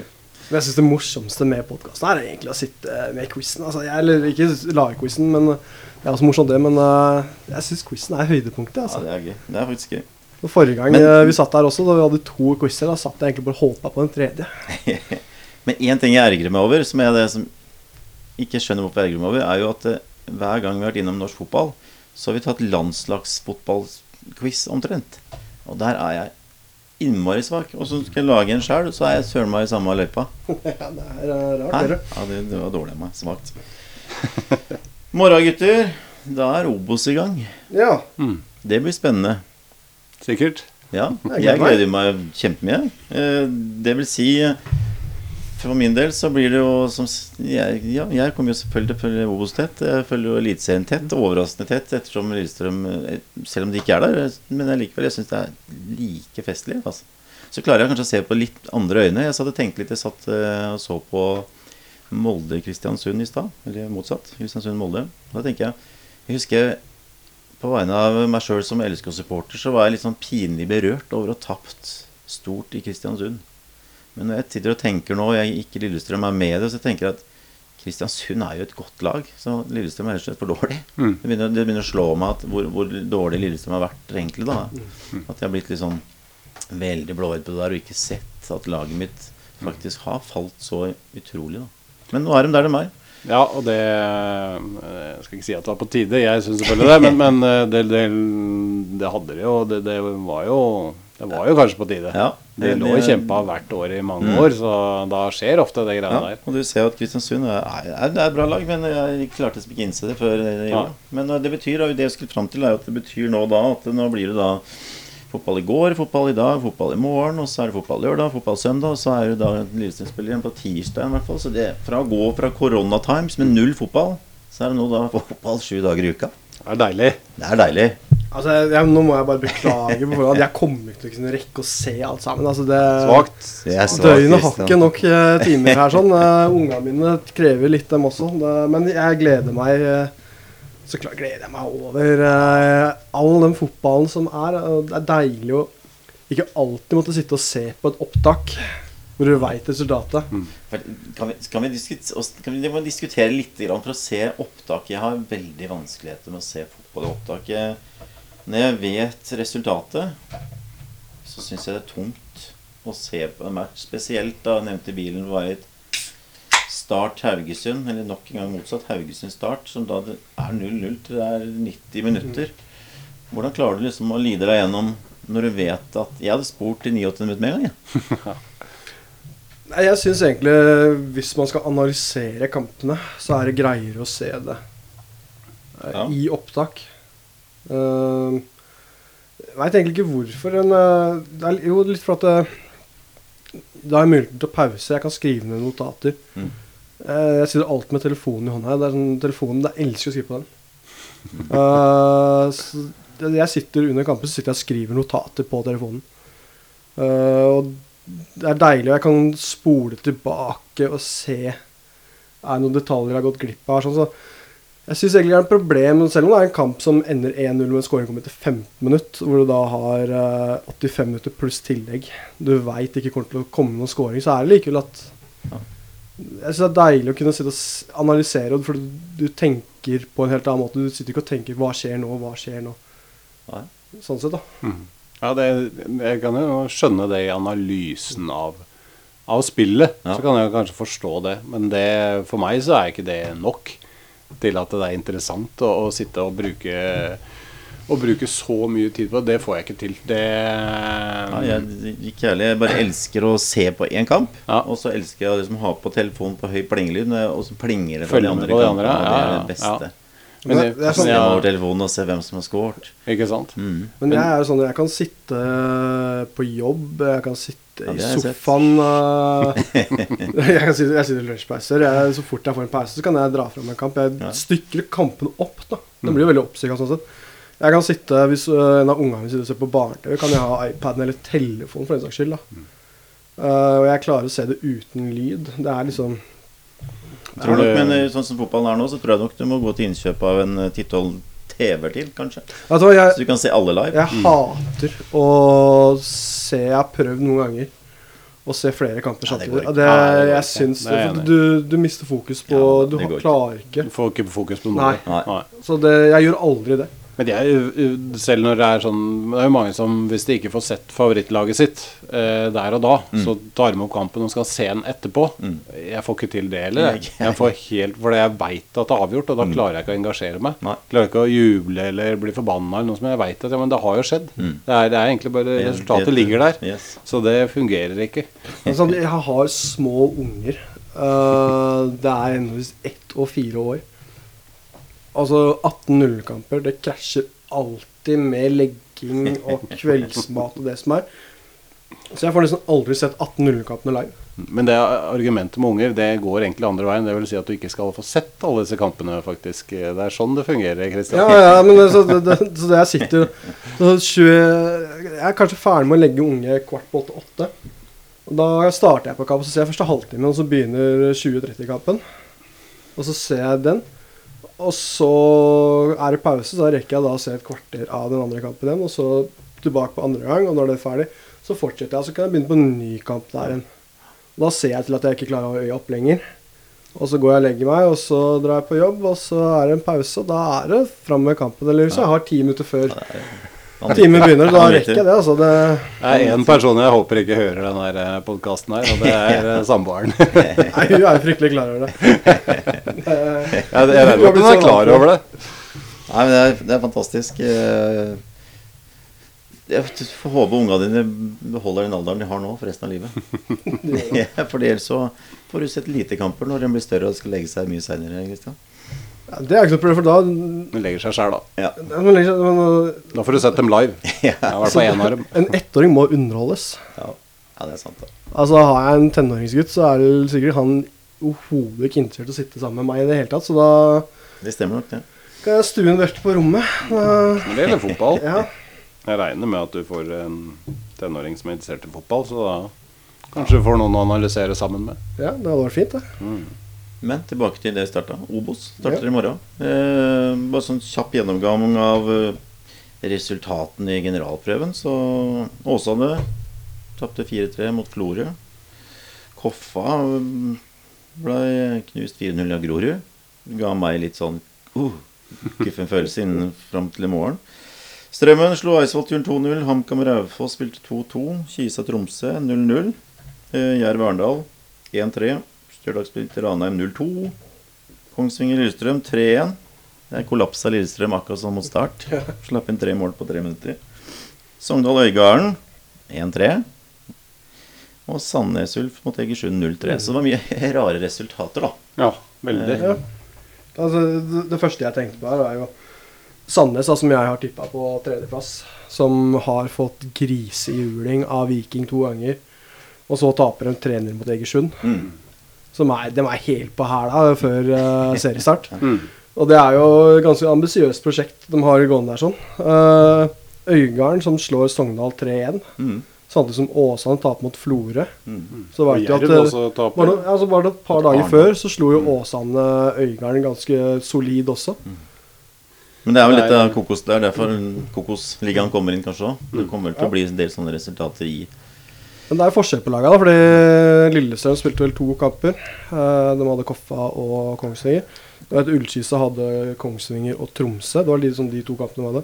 Og så var det Kongsvinger, da, som eh, fra liksom den kunne starte opp igjen, Mm. har spilt fire kamper. Ja. Lysen spilte mot Jerv også. Ja. Mm. Så det er veldig forskjellig grunnlag disse lagene kommer med til seriestarten også. Ja, ja det er det faktisk. Men det, det, vi ser jo resultatene. Vi ser jo ikke så veldig mye bak dem. Uh, sånn at Hvis vi ikke har sittet og sett på kampen, da. Uh, jeg satt og spolte meg gjennom Koffa eh, Lillestrøm. For jeg gjorde Mm. meg Det var i forkant av forrige episode. Hvor Mm. jeg skulle gjøre research på corner. Ja, stemmer. Mm. Og så drev jeg og lurte på Jeg hadde sendt melding til Jan Remi Dalen og liksom venta på svar fra han. Så tenkte jeg ja, hva hvis ikke han svarer? Kan jeg sende melding til Jørgen Isnes? Som jeg kjenner litt bedre igjen da, enn eh, Jan Remi Dalen. Så jeg satt og spolte meg gjennom kampen og hoppa sånn her eh, 15 sekunder fram, 15 sekunder fram, 15 sekunder fram på telefonen. I håp om at eh, Koffa skulle få en corner, men uh, så gikk telefonen min strøm, jeg gikk tom for strøm sånn ute i noe, noen 70 minutter. Da hadde de ennå ikke hatt en corner. Så det var litt bortkasta tid. Jeg prøvde å finne noe statistikk eller kampreferat som kunne si meg sånn For det kunne jeg gjøre på noen av de kampene hvor jeg liksom hadde glemt å se liksom, ja, hvordan stilte man på corneren. Så kunne jeg gå inn og sjekke liksom, kampens løp. Ja, han fikk to corner. Når fikk han corner? 85 minutter. Nå spoler jeg fram til 85, så skal jeg se der. Men jeg fant ikke noe sånt på Koffa Lillestrøm, så da, sånn er det å være Obos, da. Da måtte jeg sitte og spole 50 sekunder fram om gangen. Jeg fikk ikke så mye ut av treningskampa. nei. nei, men det er vel sånn, litt sånn det blir også. Og, og treningskamper. Sarpsborg var gode. Ligger på bånn nå. Så. Ja da. Det er litt sånn rart, det der. Det er, bare, det er det vi har å klamre oss fast i, er de treningskampene. Så det er det vi må Det det, se litt på. Men eh, ja, det er noe annet når du setter i gang. Men jeg gleder meg jo ekstra. Jeg skal jo faktisk på kamp òg. Ja, det var det dit jeg skulle. Har du blitt trukket ut? Ja, eller det var jo De hadde ikke solgt flere enn det man har lov til å slippe inn. Det var faktisk sånn at man hadde 50 billetter eh, tilgjengelig, så man eh, gikk ut eh, og sa at de 50 første som kjøper sesongkort, de slipper inn. Så jeg skal dit. Fantastisk. Det blir kjempegøy. Jeg gleder meg som bare det. Ja. Kona og ungene reiser til Hvaler. Du kan kose deg på Jessheim stadion. Ja. Ja. Faderen, jeg hadde jo muligheten til å være på Intility mot eh, det? Viking. Ja, men da var jeg bortreist. Men uh, Anders, sønnen min, var der, da. Og det hadde vært veldig gøy, det. altså Ja, det. Så eh, jeg skulle gjerne vært der. Det er- Det er jo litt spesielt uansett. Selv om jeg ikke vil at det skal være sånn og med korona og hele Ja, ja. dritten, så, så hadde det jo vært litt moro å vært på og sett hvordan det var. Absolutt. ja. Men eh, ja, han Altså, var veldig fornøyd. Så er det noe annet å se fotball live. Du Ja, er ser det. på en helt annen måte. Du får et helt annet innblikk. Også. Det der med at uh, man hører man jo alt også. Altså Selv eh, på en vanlig seriekamp i Eliteserien så får du med deg veldig mye av det som blir Kanskje ikke hva som blir sagt fra trenerbenken, som kanskje er på motsatt side. Og for når jeg er på Valle, så sitter jeg alltid på patriottribunen. da. Mm. Og da hører du ikke hva som blir sagt på motsatt eh, tribune, men du hører veldig godt hva som blir sagt på, på banen. Ja, på de nærmeste. Ja. Så Men du skal jo på Ullskis og Strømmen, da. jeg skal det. Ja. Lokaloppgjør. Ja, hva tenker, du, hva tenker du om det? Det er eh, Jeg, jeg veit ikke helt hvor jeg har egentlig begge lagene. Jeg har tippa Strømmen rett over uh, Kvalik. nedrykk. Mm. eller er rett over kvalik. Og Ullskisa rett under kvalik opp. Oppe? Mm. Så Men uh, jeg veit liksom ikke helt hva man får. Nå tapte Ullskisa 1-0 og 0-0 uh, i sine to treningskamper, mens eh, Strømmen vant jo. Mm. Så jeg veit liksom ikke helt Jeg er veldig usikker på hvordan For at Ja, jeg, Ja, nei, det er jeg har vanskelig. ikke noe kjempevanskelig. Men eh, det vi vet, er jo at eh, Strømmen ligger allerede på bunn. De har minus tre poeng, Minus og så har eh, Raufoss følger uh, Minus like etter med mm. minus ett. Ja. Mm. Det var jo der økonomiske situasjonen da, som selv om NFF og Uefa har sagt at de skal se litt mellom fingrene på det, så er det noe som henger. Det er jo tall fra 2019 som Mm. fortsatt henger igjen, da, som vi ikke har klart å få orden på. Så jo si at det er en seks- sekspoengskamp allerede i morgen, da. Ja. Ja. Ja, men jeg gleder meg til å se uh, eh, hvordan han får ut. For nå, det Strømmen-laget som er i år, har han hatt mer preg over. Han har liksom Nå skal han fått inn liksom de spillerne han vil ha inn, og det er jeg litt spent på. For at det, jeg syns Strømmen spilte en veldig fin fotball i Ja. fjor. De styrte kampen på en veldig god måte, men de var veldig svake i begge boksene, med unntak av Sivert Gusias, da, som var frisk og fin der. sånn. Mm. Men det jeg har sett der i vinter, har vi ikke vært bra. Jeg så dem mot Sarpsborg, og da skrudde jeg av etter tre minutter. Og da var de under 3-0, og det var helt horribelt forsvarsspill. Nei, blir- Så for Ullskisa sin del så håper jeg at uh, det holder seg sånn. Det blir spennende å se om uh, dette kampprogrammet i Obos også gjør uh, sånn som litt sånn i Eliteserien, at det skiller seg to stykker eh, To-tre Mm. stykker relativt mm. kjapt. da Jeg gleder meg som en unge i hvert fall i morgen jeg, til å se Grorud Lillestrøm.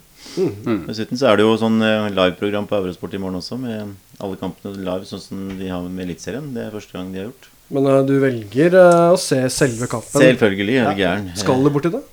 Jeg vet om det er en gratis-sauer der Nei, jeg vet ikke. Jeg har, lest litt på det, og det, går an å tusle visst fram og tilbake der, da. Ja. Jeg vet ikke om det er så interessant som å, få med meg litt mer av det som skjer. Det er kjipt hvis du må gå en liten runde, og når måla kommer, så var du kanskje ikke og fikk sett måla. Da. Det er litt sånn nedtur. Så. Men jeg håper at jeg får meg en billett på, på Åråsen. Det er over et halvt år siden jeg har vært på Åråsen. Det føles rart, altså. Det er lenge. Mm, det har aldri skjedd før. Nei. Så det, jeg gleder meg fantastisk. Og så avsluttes runden med HamKam Kongsvinger. Det hørte jeg i går på, på Eurosport. Jeg kaller det Elg Klassiko. Ja, ja, ja. Ja. Det er bra. altså, jeg, jeg, jeg er ikke noe fan av de navnene der, altså. Det er Elg bra. Klassiko. Ja, men liksom Elg sånn- det er bra. Ja, men sånn Mjøndalen Strømskog, så er det jo klassiko, liksom. Hvorfor må du ta det klassikonavnet? Kan du ikke bare kalle det Elvderbyet? Å, men det er litt humor, da. Nei, det er jo ikke humor! Du har jo ikke humor. Gubbehumor! det er det er. Classico er konge. Ja, ja. Ja, skal, en vakker dag skal jeg se det. Ja, vi må dra på det på meg. Nå han blir gubbe, han der òg. Ja, ja, ja. altså, Elg trenger jo altså Norske språket er så fint. Vi klarer å bruke våre egne ord for det. Ja, tydeligvis ikke, da. Nei, det er, jeg nekter å omtale det som eh, det. Det er Hedmarksderby. Eller det er, jeg kan ikke si derby heller. Det er Ja, det er ikke sant, det går Nei. ikke, vet du. Det blir det samme. kampen om Hedmark. For det får bli med det. I mangel på noe bedre. For det er ikke noe bedre. Det er ikke noe bedre enn Eliteserien Ovos, i hvert fall. Det er vi enig i. Nei, det Og nå er ikke alt er i gang. Endelig er det i gang, alt sammen. Det er fantastisk. Det syns jeg er utrolig kult. Og det er jo Det er jo allerede til helgen så er det jo Eliteserien også. Det er um, Kjøre på med Start Viking på lørdagen og Vålerenga-Ålesund på uh, kveldskampen. Eh, allerede runde seks. Hva tenker dere om uh, Vålerenga Ålesund, gutter? Dere som eh, har sett, regner med har sett alle Vålerenga-matchene. Dere var litt innom i stad. Dere var litt sånn optimistiske og litt imponert, men ikke i full blomst. Men uh... Nei da, men eh, som, eh, som lang og tro Vålerenga-supporter, så, har, så veit du alltid det at eh, det laget du møter når de har vært dårlige, det skal jo snu for det laget en gang. Og det er jo Det ligger jo an til det denne Typisk gangen også. Ja, ja, ja, det er Vålerenga er fint lag å snu en dårlig Ja. trend mot. Ja. Så jeg er tipper det typisk at Niklas Castro plutselig banker ja, ja. inn tre kasser der òg. Er han som aldri fikk sjansen. Gråla sitter der og Nei, Hvis du får farge i håret sitt. eh, har jeg ikke Ja. Nei, jeg er skeptisk til den eh, kampen der. Jeg, jeg, Vålerenga burde slå dem. Ja. Alt tilsier på en måte det, men da, Mm. da gjør de jo ikke det. Så det blir Jeg Ryker på den. Jeg sitter med en sånn blanda følelse når det kommer til Vålerenga anno 2020. De har fått bedre poengfangst enn spillet skulle tilsi. Mm. ja, jeg er enig. Uh, så ser jeg liksom på sosiale medier folk er veldig optimistiske. Liksom. De er de er så positive. Og så føler jeg sitter der som pessimist, og så klagde jeg over noen Strømsgodset-supportere her som var så fryktelig negative mot laget sitt. Så sitter jeg egentlig er liksom, samtidig, så Det er et eller annet med Jeg hadde forventa så mye mer av Vålerenga under Dag Eilif Fagermo. At de skulle kontrollere kampen på en helt annen måte. Ta f.eks. mot Rosenborg nå sist. Altså, jeg klagde over i forrige episode. Altså, det er null bevegelse foran ballfører. Det er dårlig tempo. Den blir ofte at den vinkler ut på kantene. Og det, det gjenspeiler seg kamp etter kamp. Altså, Indreløperne går veldig breit. De ligger nærmest oppå kantspillere. Og så ligger bekkene veldig lavt i banen, så det er ikke noe midtstopper av ballen, så har ikke han noe Det er Oldrup Jensen, og han er ikke den som beveger seg spesielt godt. Det er han ikke. Uh, så han er sjelden Hvem da, sa du? Oliver Bjensen Mm. Han er Nei. sjelden i posisjon til å ta imot ballen. Mm. Og da har ikke man noen pasningsalternativ foran seg, og da ender det ofte med de lange ballene. Men når hun først treffer på de lange ballene, da syns jeg de er gode. For da havner de ofte hos en av kantspillerne som skjærer innover. Mm. Så har du indreløperne som stikker på løp imellom midtstopper og bekk.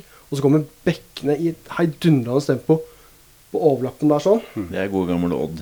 Og så kommer Mm. ja, Det er liksom mm. god gamle Odd, men det er sånn Du spiller med så høy risiko da Mm. når du skal sette opp den. Det er egentlig veldig enkelt å ta ut sånne lag. Og det satte jeg i inntrykket av til kampen i går. At Vålerenga skapte en god del. De var gode når de kom på siste tredelen, Mm. men det er Rosenborg som gjør dem gode. For et godt organisert Molde hadde ikke sluppet til Vålerenga så mange ganger. For det er så enkelt å ta ut det egentlig, altså. Mm. Det er bare å gå i kroppen på han kantspilleren. Eller s lede midtstopper til å måtte slå en pasning i korridoren i midten. For da har de ingen. Jeg satt i første episode her når vi, når vi hadde tabelltips og egentlig mm, fremsnakka Aron Dønnum litt, ja da. Men jeg, jeg, jeg er litt, egentlig litt skuffa eh, over det han har fått til, da. Ja, han gjør litt mye kult på sida, dribler og sånn, men produktet, sluttproduktet her det blir sjelden noe, syns jeg. Det blir om han skal inn, som du sier. Skal kølle dem i lengste. Kan ikke treffe i mål ennå, tror jeg. Sånn særlig, skuffet Romario-tuppen i første kampen, da. Ja, ja, men ikke på de, de, det, det han prøver på hele tiden. Er han blitt litt høy på seg sjøl? Litt stjerne i klubben? Litt, Ja, definitivt blitt litt stjerne. Og, og det tror jeg Vålinga trenger. Ja. Eh, en som, for han går litt foran, nå. han har blitt litt sånn Han er kanskje stjerna. Ja. Eh, og jeg syns han har hatt en god eh, sesongstart, jeg. Eh, kan være enig i at det kanskje ikke blir produktet alt sammen. Og eh, han spiller jo aldri fra seg ballen på første touchen, liksom. Det, det gjør han ikke. Og han vil jo ha ballen i beina, han skal ikke gå på løp og alt det der. Nei.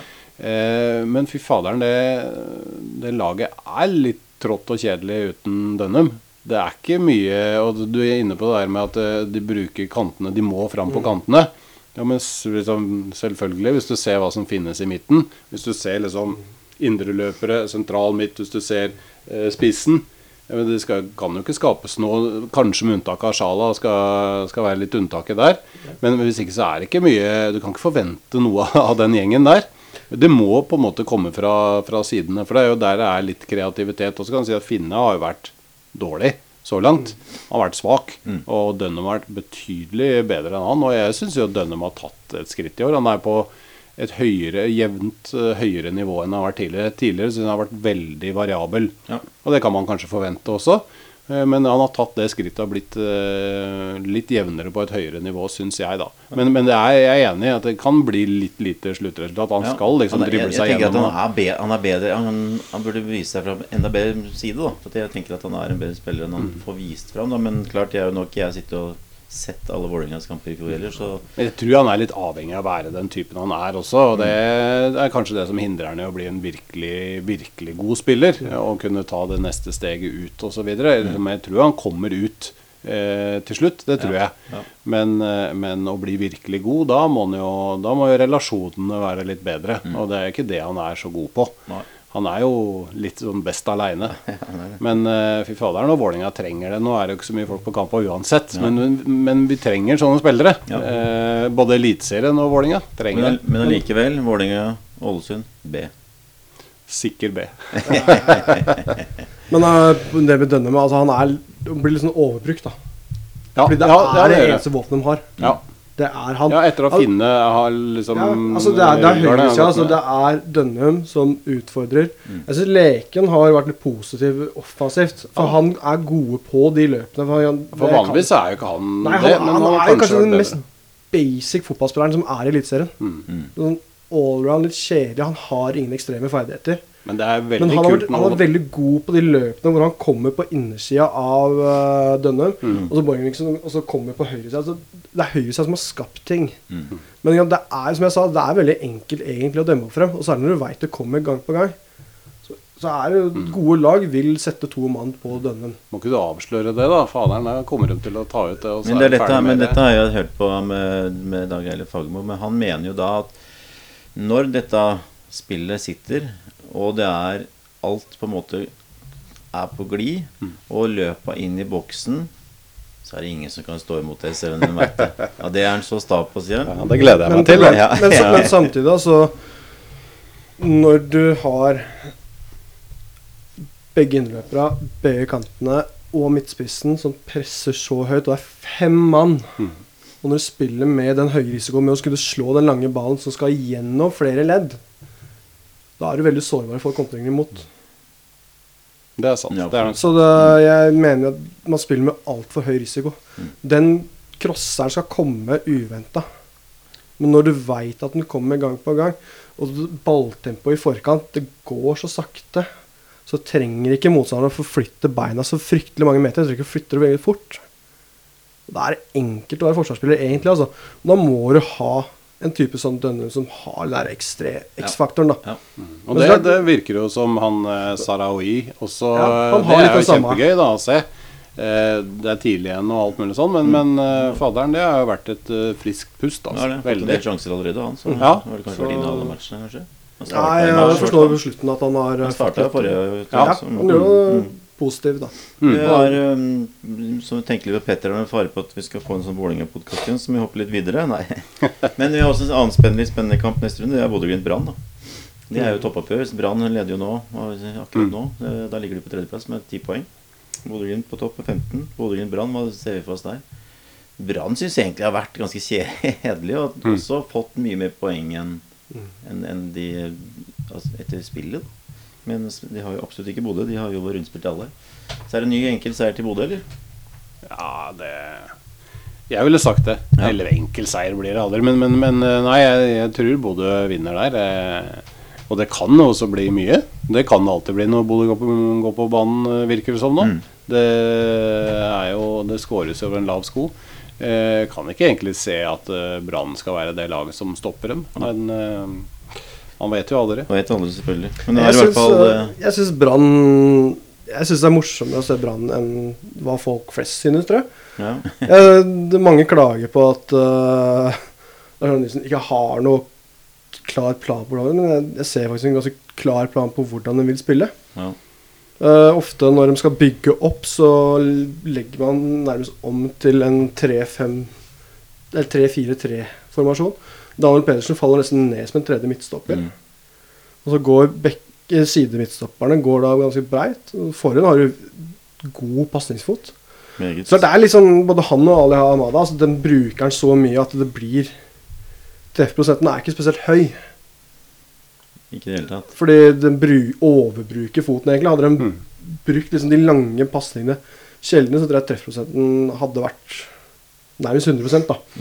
For det kommer ikke overraskende på motstanderen, men allikevel Det er et eller annet der. Bekkene som går veldig høyt. Og samtidig så har de vist det at man, man har liksom Når man skrur opp eh, farta et par hakk, så har hun vist seg å være veldig farlig. Jeg synes Robert Taylor har vært veldig frisk de siste kampene på ene kanten. Mm. Konson, som er uromoment på andre.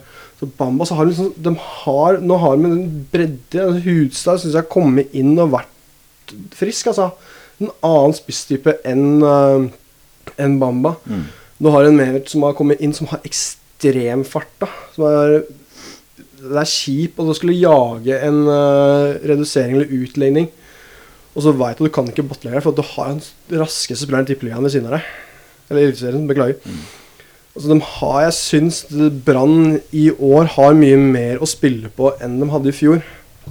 Og jeg syns også de har en klar plan. Altså Når de først går for den lange pasningen, Barmen som kommer opp og legger seg nærmest som en andrespiss og går i duellen, og det kommer løp bak. Jeg syns, syns Brann, særlig de siste kampene, har mer å tilføye enn hva de kanskje har fått anerkjennelse for. Kanskje. Og så syns jeg de var gode defensivt, så det blir ikke noe walk in the park for Borgen. Tenker jeg, da. Ja. Og så, så, Når du tenker på at Daniel Pedersen ofte faller så lavt som han gjør, at det blir nærmest med en treer. Da er man ikke like sårbare for de løpene til Bodø-Glimt heller. Nei, og nå, Hvis de nå ligger på tredjeplass det, det er jo noen som har vært inne på det på, på tabelltipset, etter hva jeg husker. da Ja. Så kan stemme. ting er vel egentlig bare sånn som de skal være. Ja, tenker jeg. Så er det Molde-Mjøndalen, og så har vi Sandefjord-Sarpsborg. Eh, ordentlig bunnoppgjør der. Strømsgodset og Kristiansund. Og avslutter vi med Stabæk-Rosenborg, og så er det en uke pause. Men før den sendinga, da, gutter, så har jeg bedt dere om å komme med et lite tips, da, sånn som vi har eh, Mhm. gjort i, de siste dagene. Ettersom jeg er med på den konkurransen, så har jeg også, også selvfølgelig gjort det. Jeg vil jo ikke tape nødvendige poeng bare fordi at jeg må sitte i programlederstolen. Men eh, Nå har vi ikke Petter her til å komme med en oppsummering på hvordan det ligger an. Nei, det eneste jeg husker, var at det var en, en rundt her som hadde to en til Rosenborg mot Brann. Ja. Så det, det var jo da meg, ja. Eh. Men jeg valgte Odd Haugesund fordi jeg tenkte at det er, det er, det er vanskelig, vanskelig Det tror jeg vi ikke har hatt dem tidligere, Ja, så det er greit derfor. å variere litt også. Ja, så, så hva tenker du, Kristian, hvis du kan starte? Odd Haugesund, hvis vi skal gi noen eh, Jeg tipper eh, 2-2. Uavgjort. 2-2 uavgjort, ja. Ja, og da har jeg målskåre. Jeg har to litt overraskende, kanskje. Uh, Kåsa. Skåra mot start nå sist. Mm. Kanonskåring. Jeg tror eh, Nydelig chip. Litt on the go, så tipper jeg Fredrik Nordkvelde. Mm. Sprekker nullen sin. Jeg tror eh, det er tid for det. Haugesund, der er litt sånn Schellmann, kanskje. På topp. Mm. Finnen. At han, eh, også han finner uh, veien til masken igjen. Mm. Og så skal vi gå et kjedelig tips og si Niklas Sandberg, da. Ja, straffe. Ja. Det er det han er god på. Ja. Han er god på mye, men eh, han er veldig god på straffer. 2-2. Lars. Jeg har eh, 0-1. 0-1. Ja, Litt kjedelig kamp, tror jeg. Men det skal mye til at ikke Odd Haugesund blir en litt kjedelig kamp. Eh, og eh, ja, enda kanskje kjedeligere, men jeg har også eh, Sandberg da, som uh, målskårer. Straffe. Det må jeg melde deg. Nei, det Nei, men eh, det er kanskje en av grunnene til at jeg melder det. Yes, jeg har da 2-1 ja, da, til Odd. Jeg tror da at Tobias Lauritzen Han skårer faktisk. Han får sjansen. Og han skårer et mål der. Så tror jeg samme som deg at Nordkveldet setter en, et mål. Og så tror jeg at eh, han Åh, oh, han Nå har jeg glemt navnet til han Bekken. Um, hva heter han Bekken fra Haugesund? Nei, ikke han. vet du, Han som kommer innpå nå, som har skada hele fjor. Herregud, Eh, Ståle. Ja, han kommer innom og får et mål. Så det blir odds her, i hvert fall. Ja. Da er vi jo opp veldig uenige. Vi har vært borte hjemme. Så det blir spennende. Nok en- for ett. Igjen. Så det er jo strålende. Men det blir veldig, veldig, veldig spennende. Nok en eh, Det blir hele helgen fotball. Fredag, lørdag, søndag. Og så er det en liten ukepause der for eh, de som ikke ser på Obos, for da er det i gang igjen på mandag og tirsdag allerede der. Er Det er kjempebra.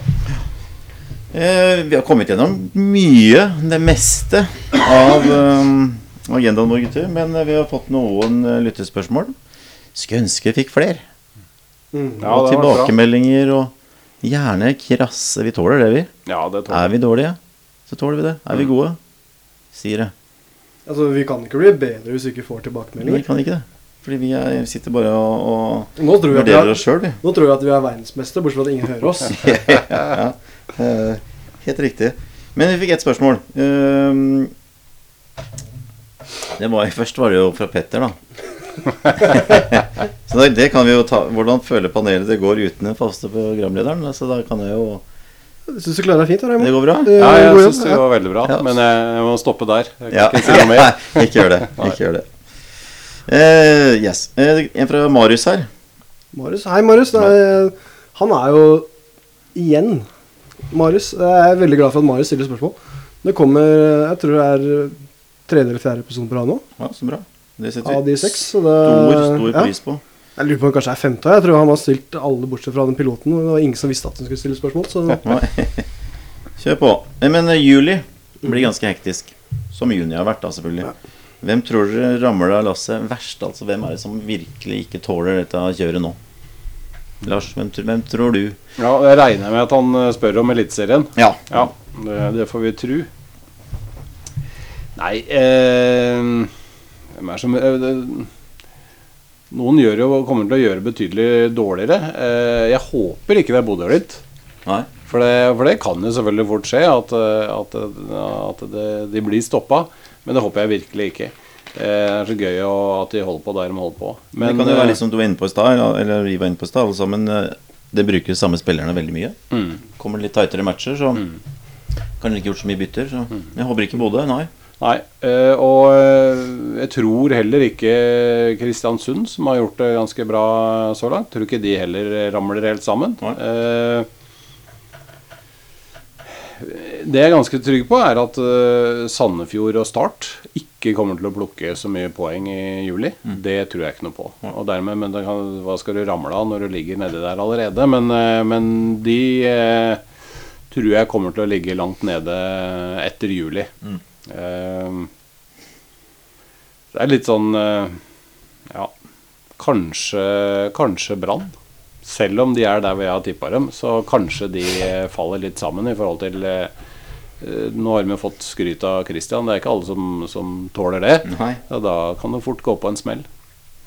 Men eh, hvis ikke så tror jeg at Jeg tror ikke det blir de helt store endringene. Det tror jeg ikke. Nei. Christian?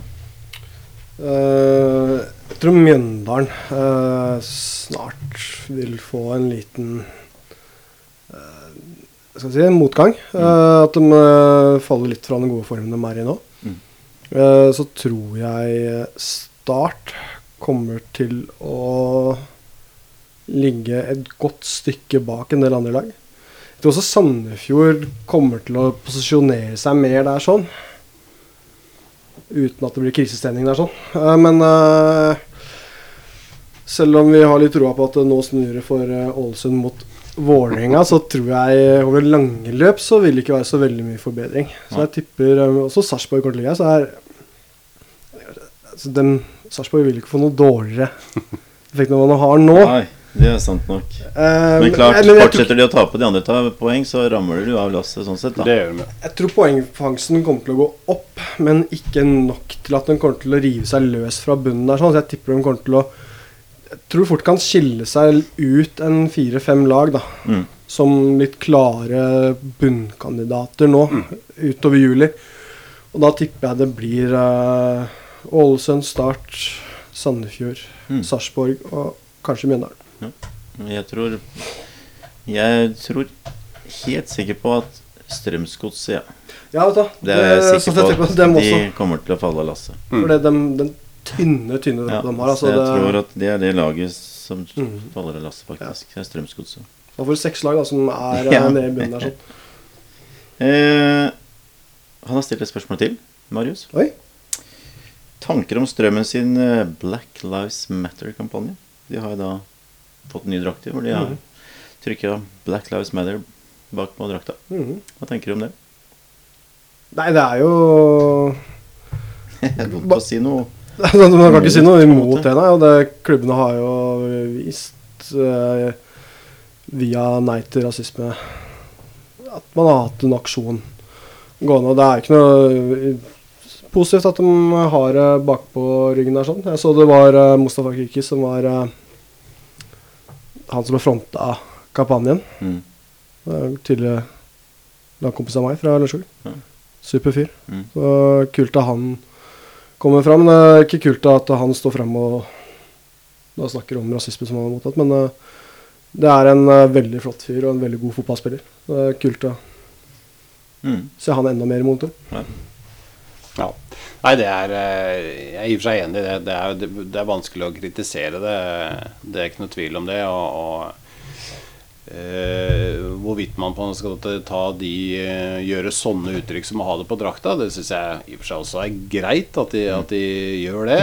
Viser på en måte at de, de står opp mot noe. Og så kan du si at det er mye rundt Black Lives Matter bevegelsen, som kanskje ikke er helt sånn som det skulle vært også. Men da var vi inne på storpolitikk, og det skal kanskje ikke strømmen inn på. Eh, men, men det er, eh, de tar, noe, tar i noe som er på en måte ganske stort akkurat nå. Det er dagsaktuelt. Ja, det er dagsaktuelt, og det kan på en måte også kanskje eksplodere litt andre veien, da. For at det, det skjer så vidt mye.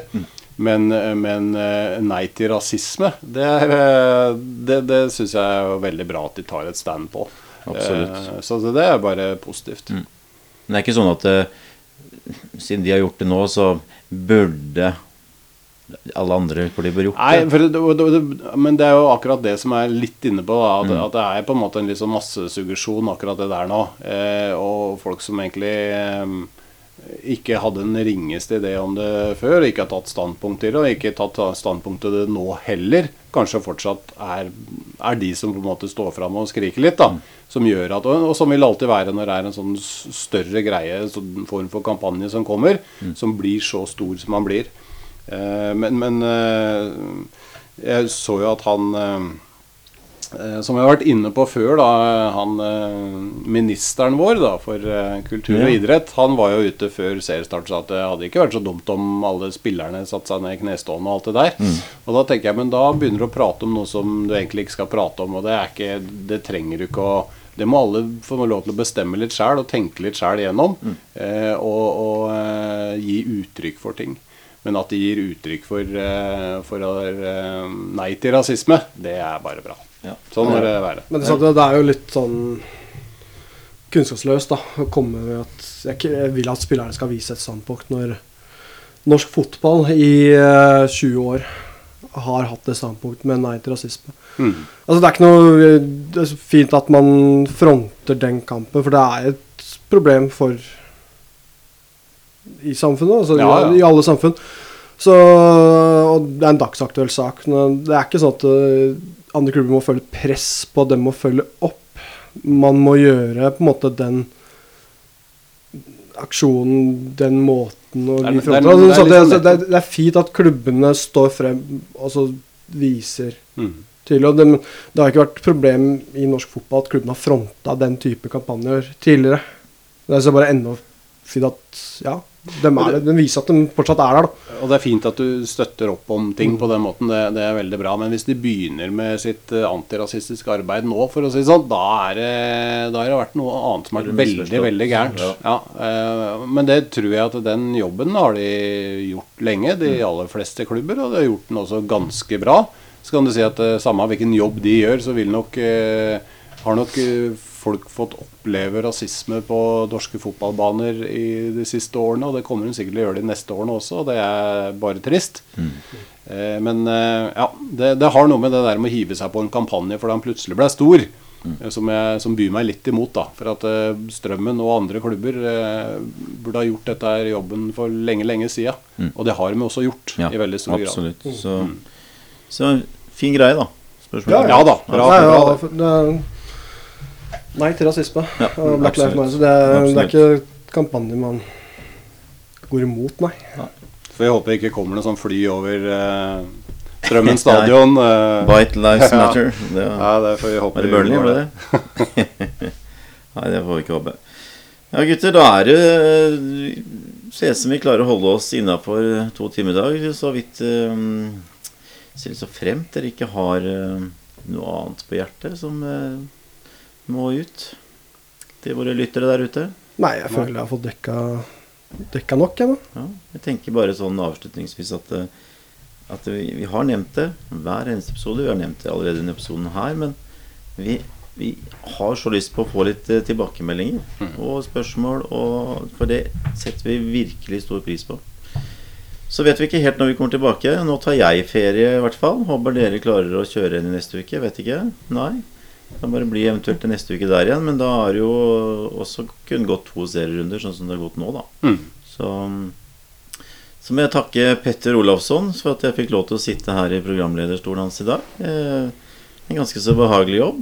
Syns det var ganske hyggelig å sitte her. Men jeg gleder meg til å Det sitte ikke side om side med Lars Eilertsen i sofaen eh, neste episode. Det er her du hører hjemme, selv om du har gjort en god jobb. Det er det absolutt. Så på vegne av oss alle her i Tribuneprat God sommer inntil videre. Kos dere masse med fotball. Så ses vi ikke, men vi snakkes.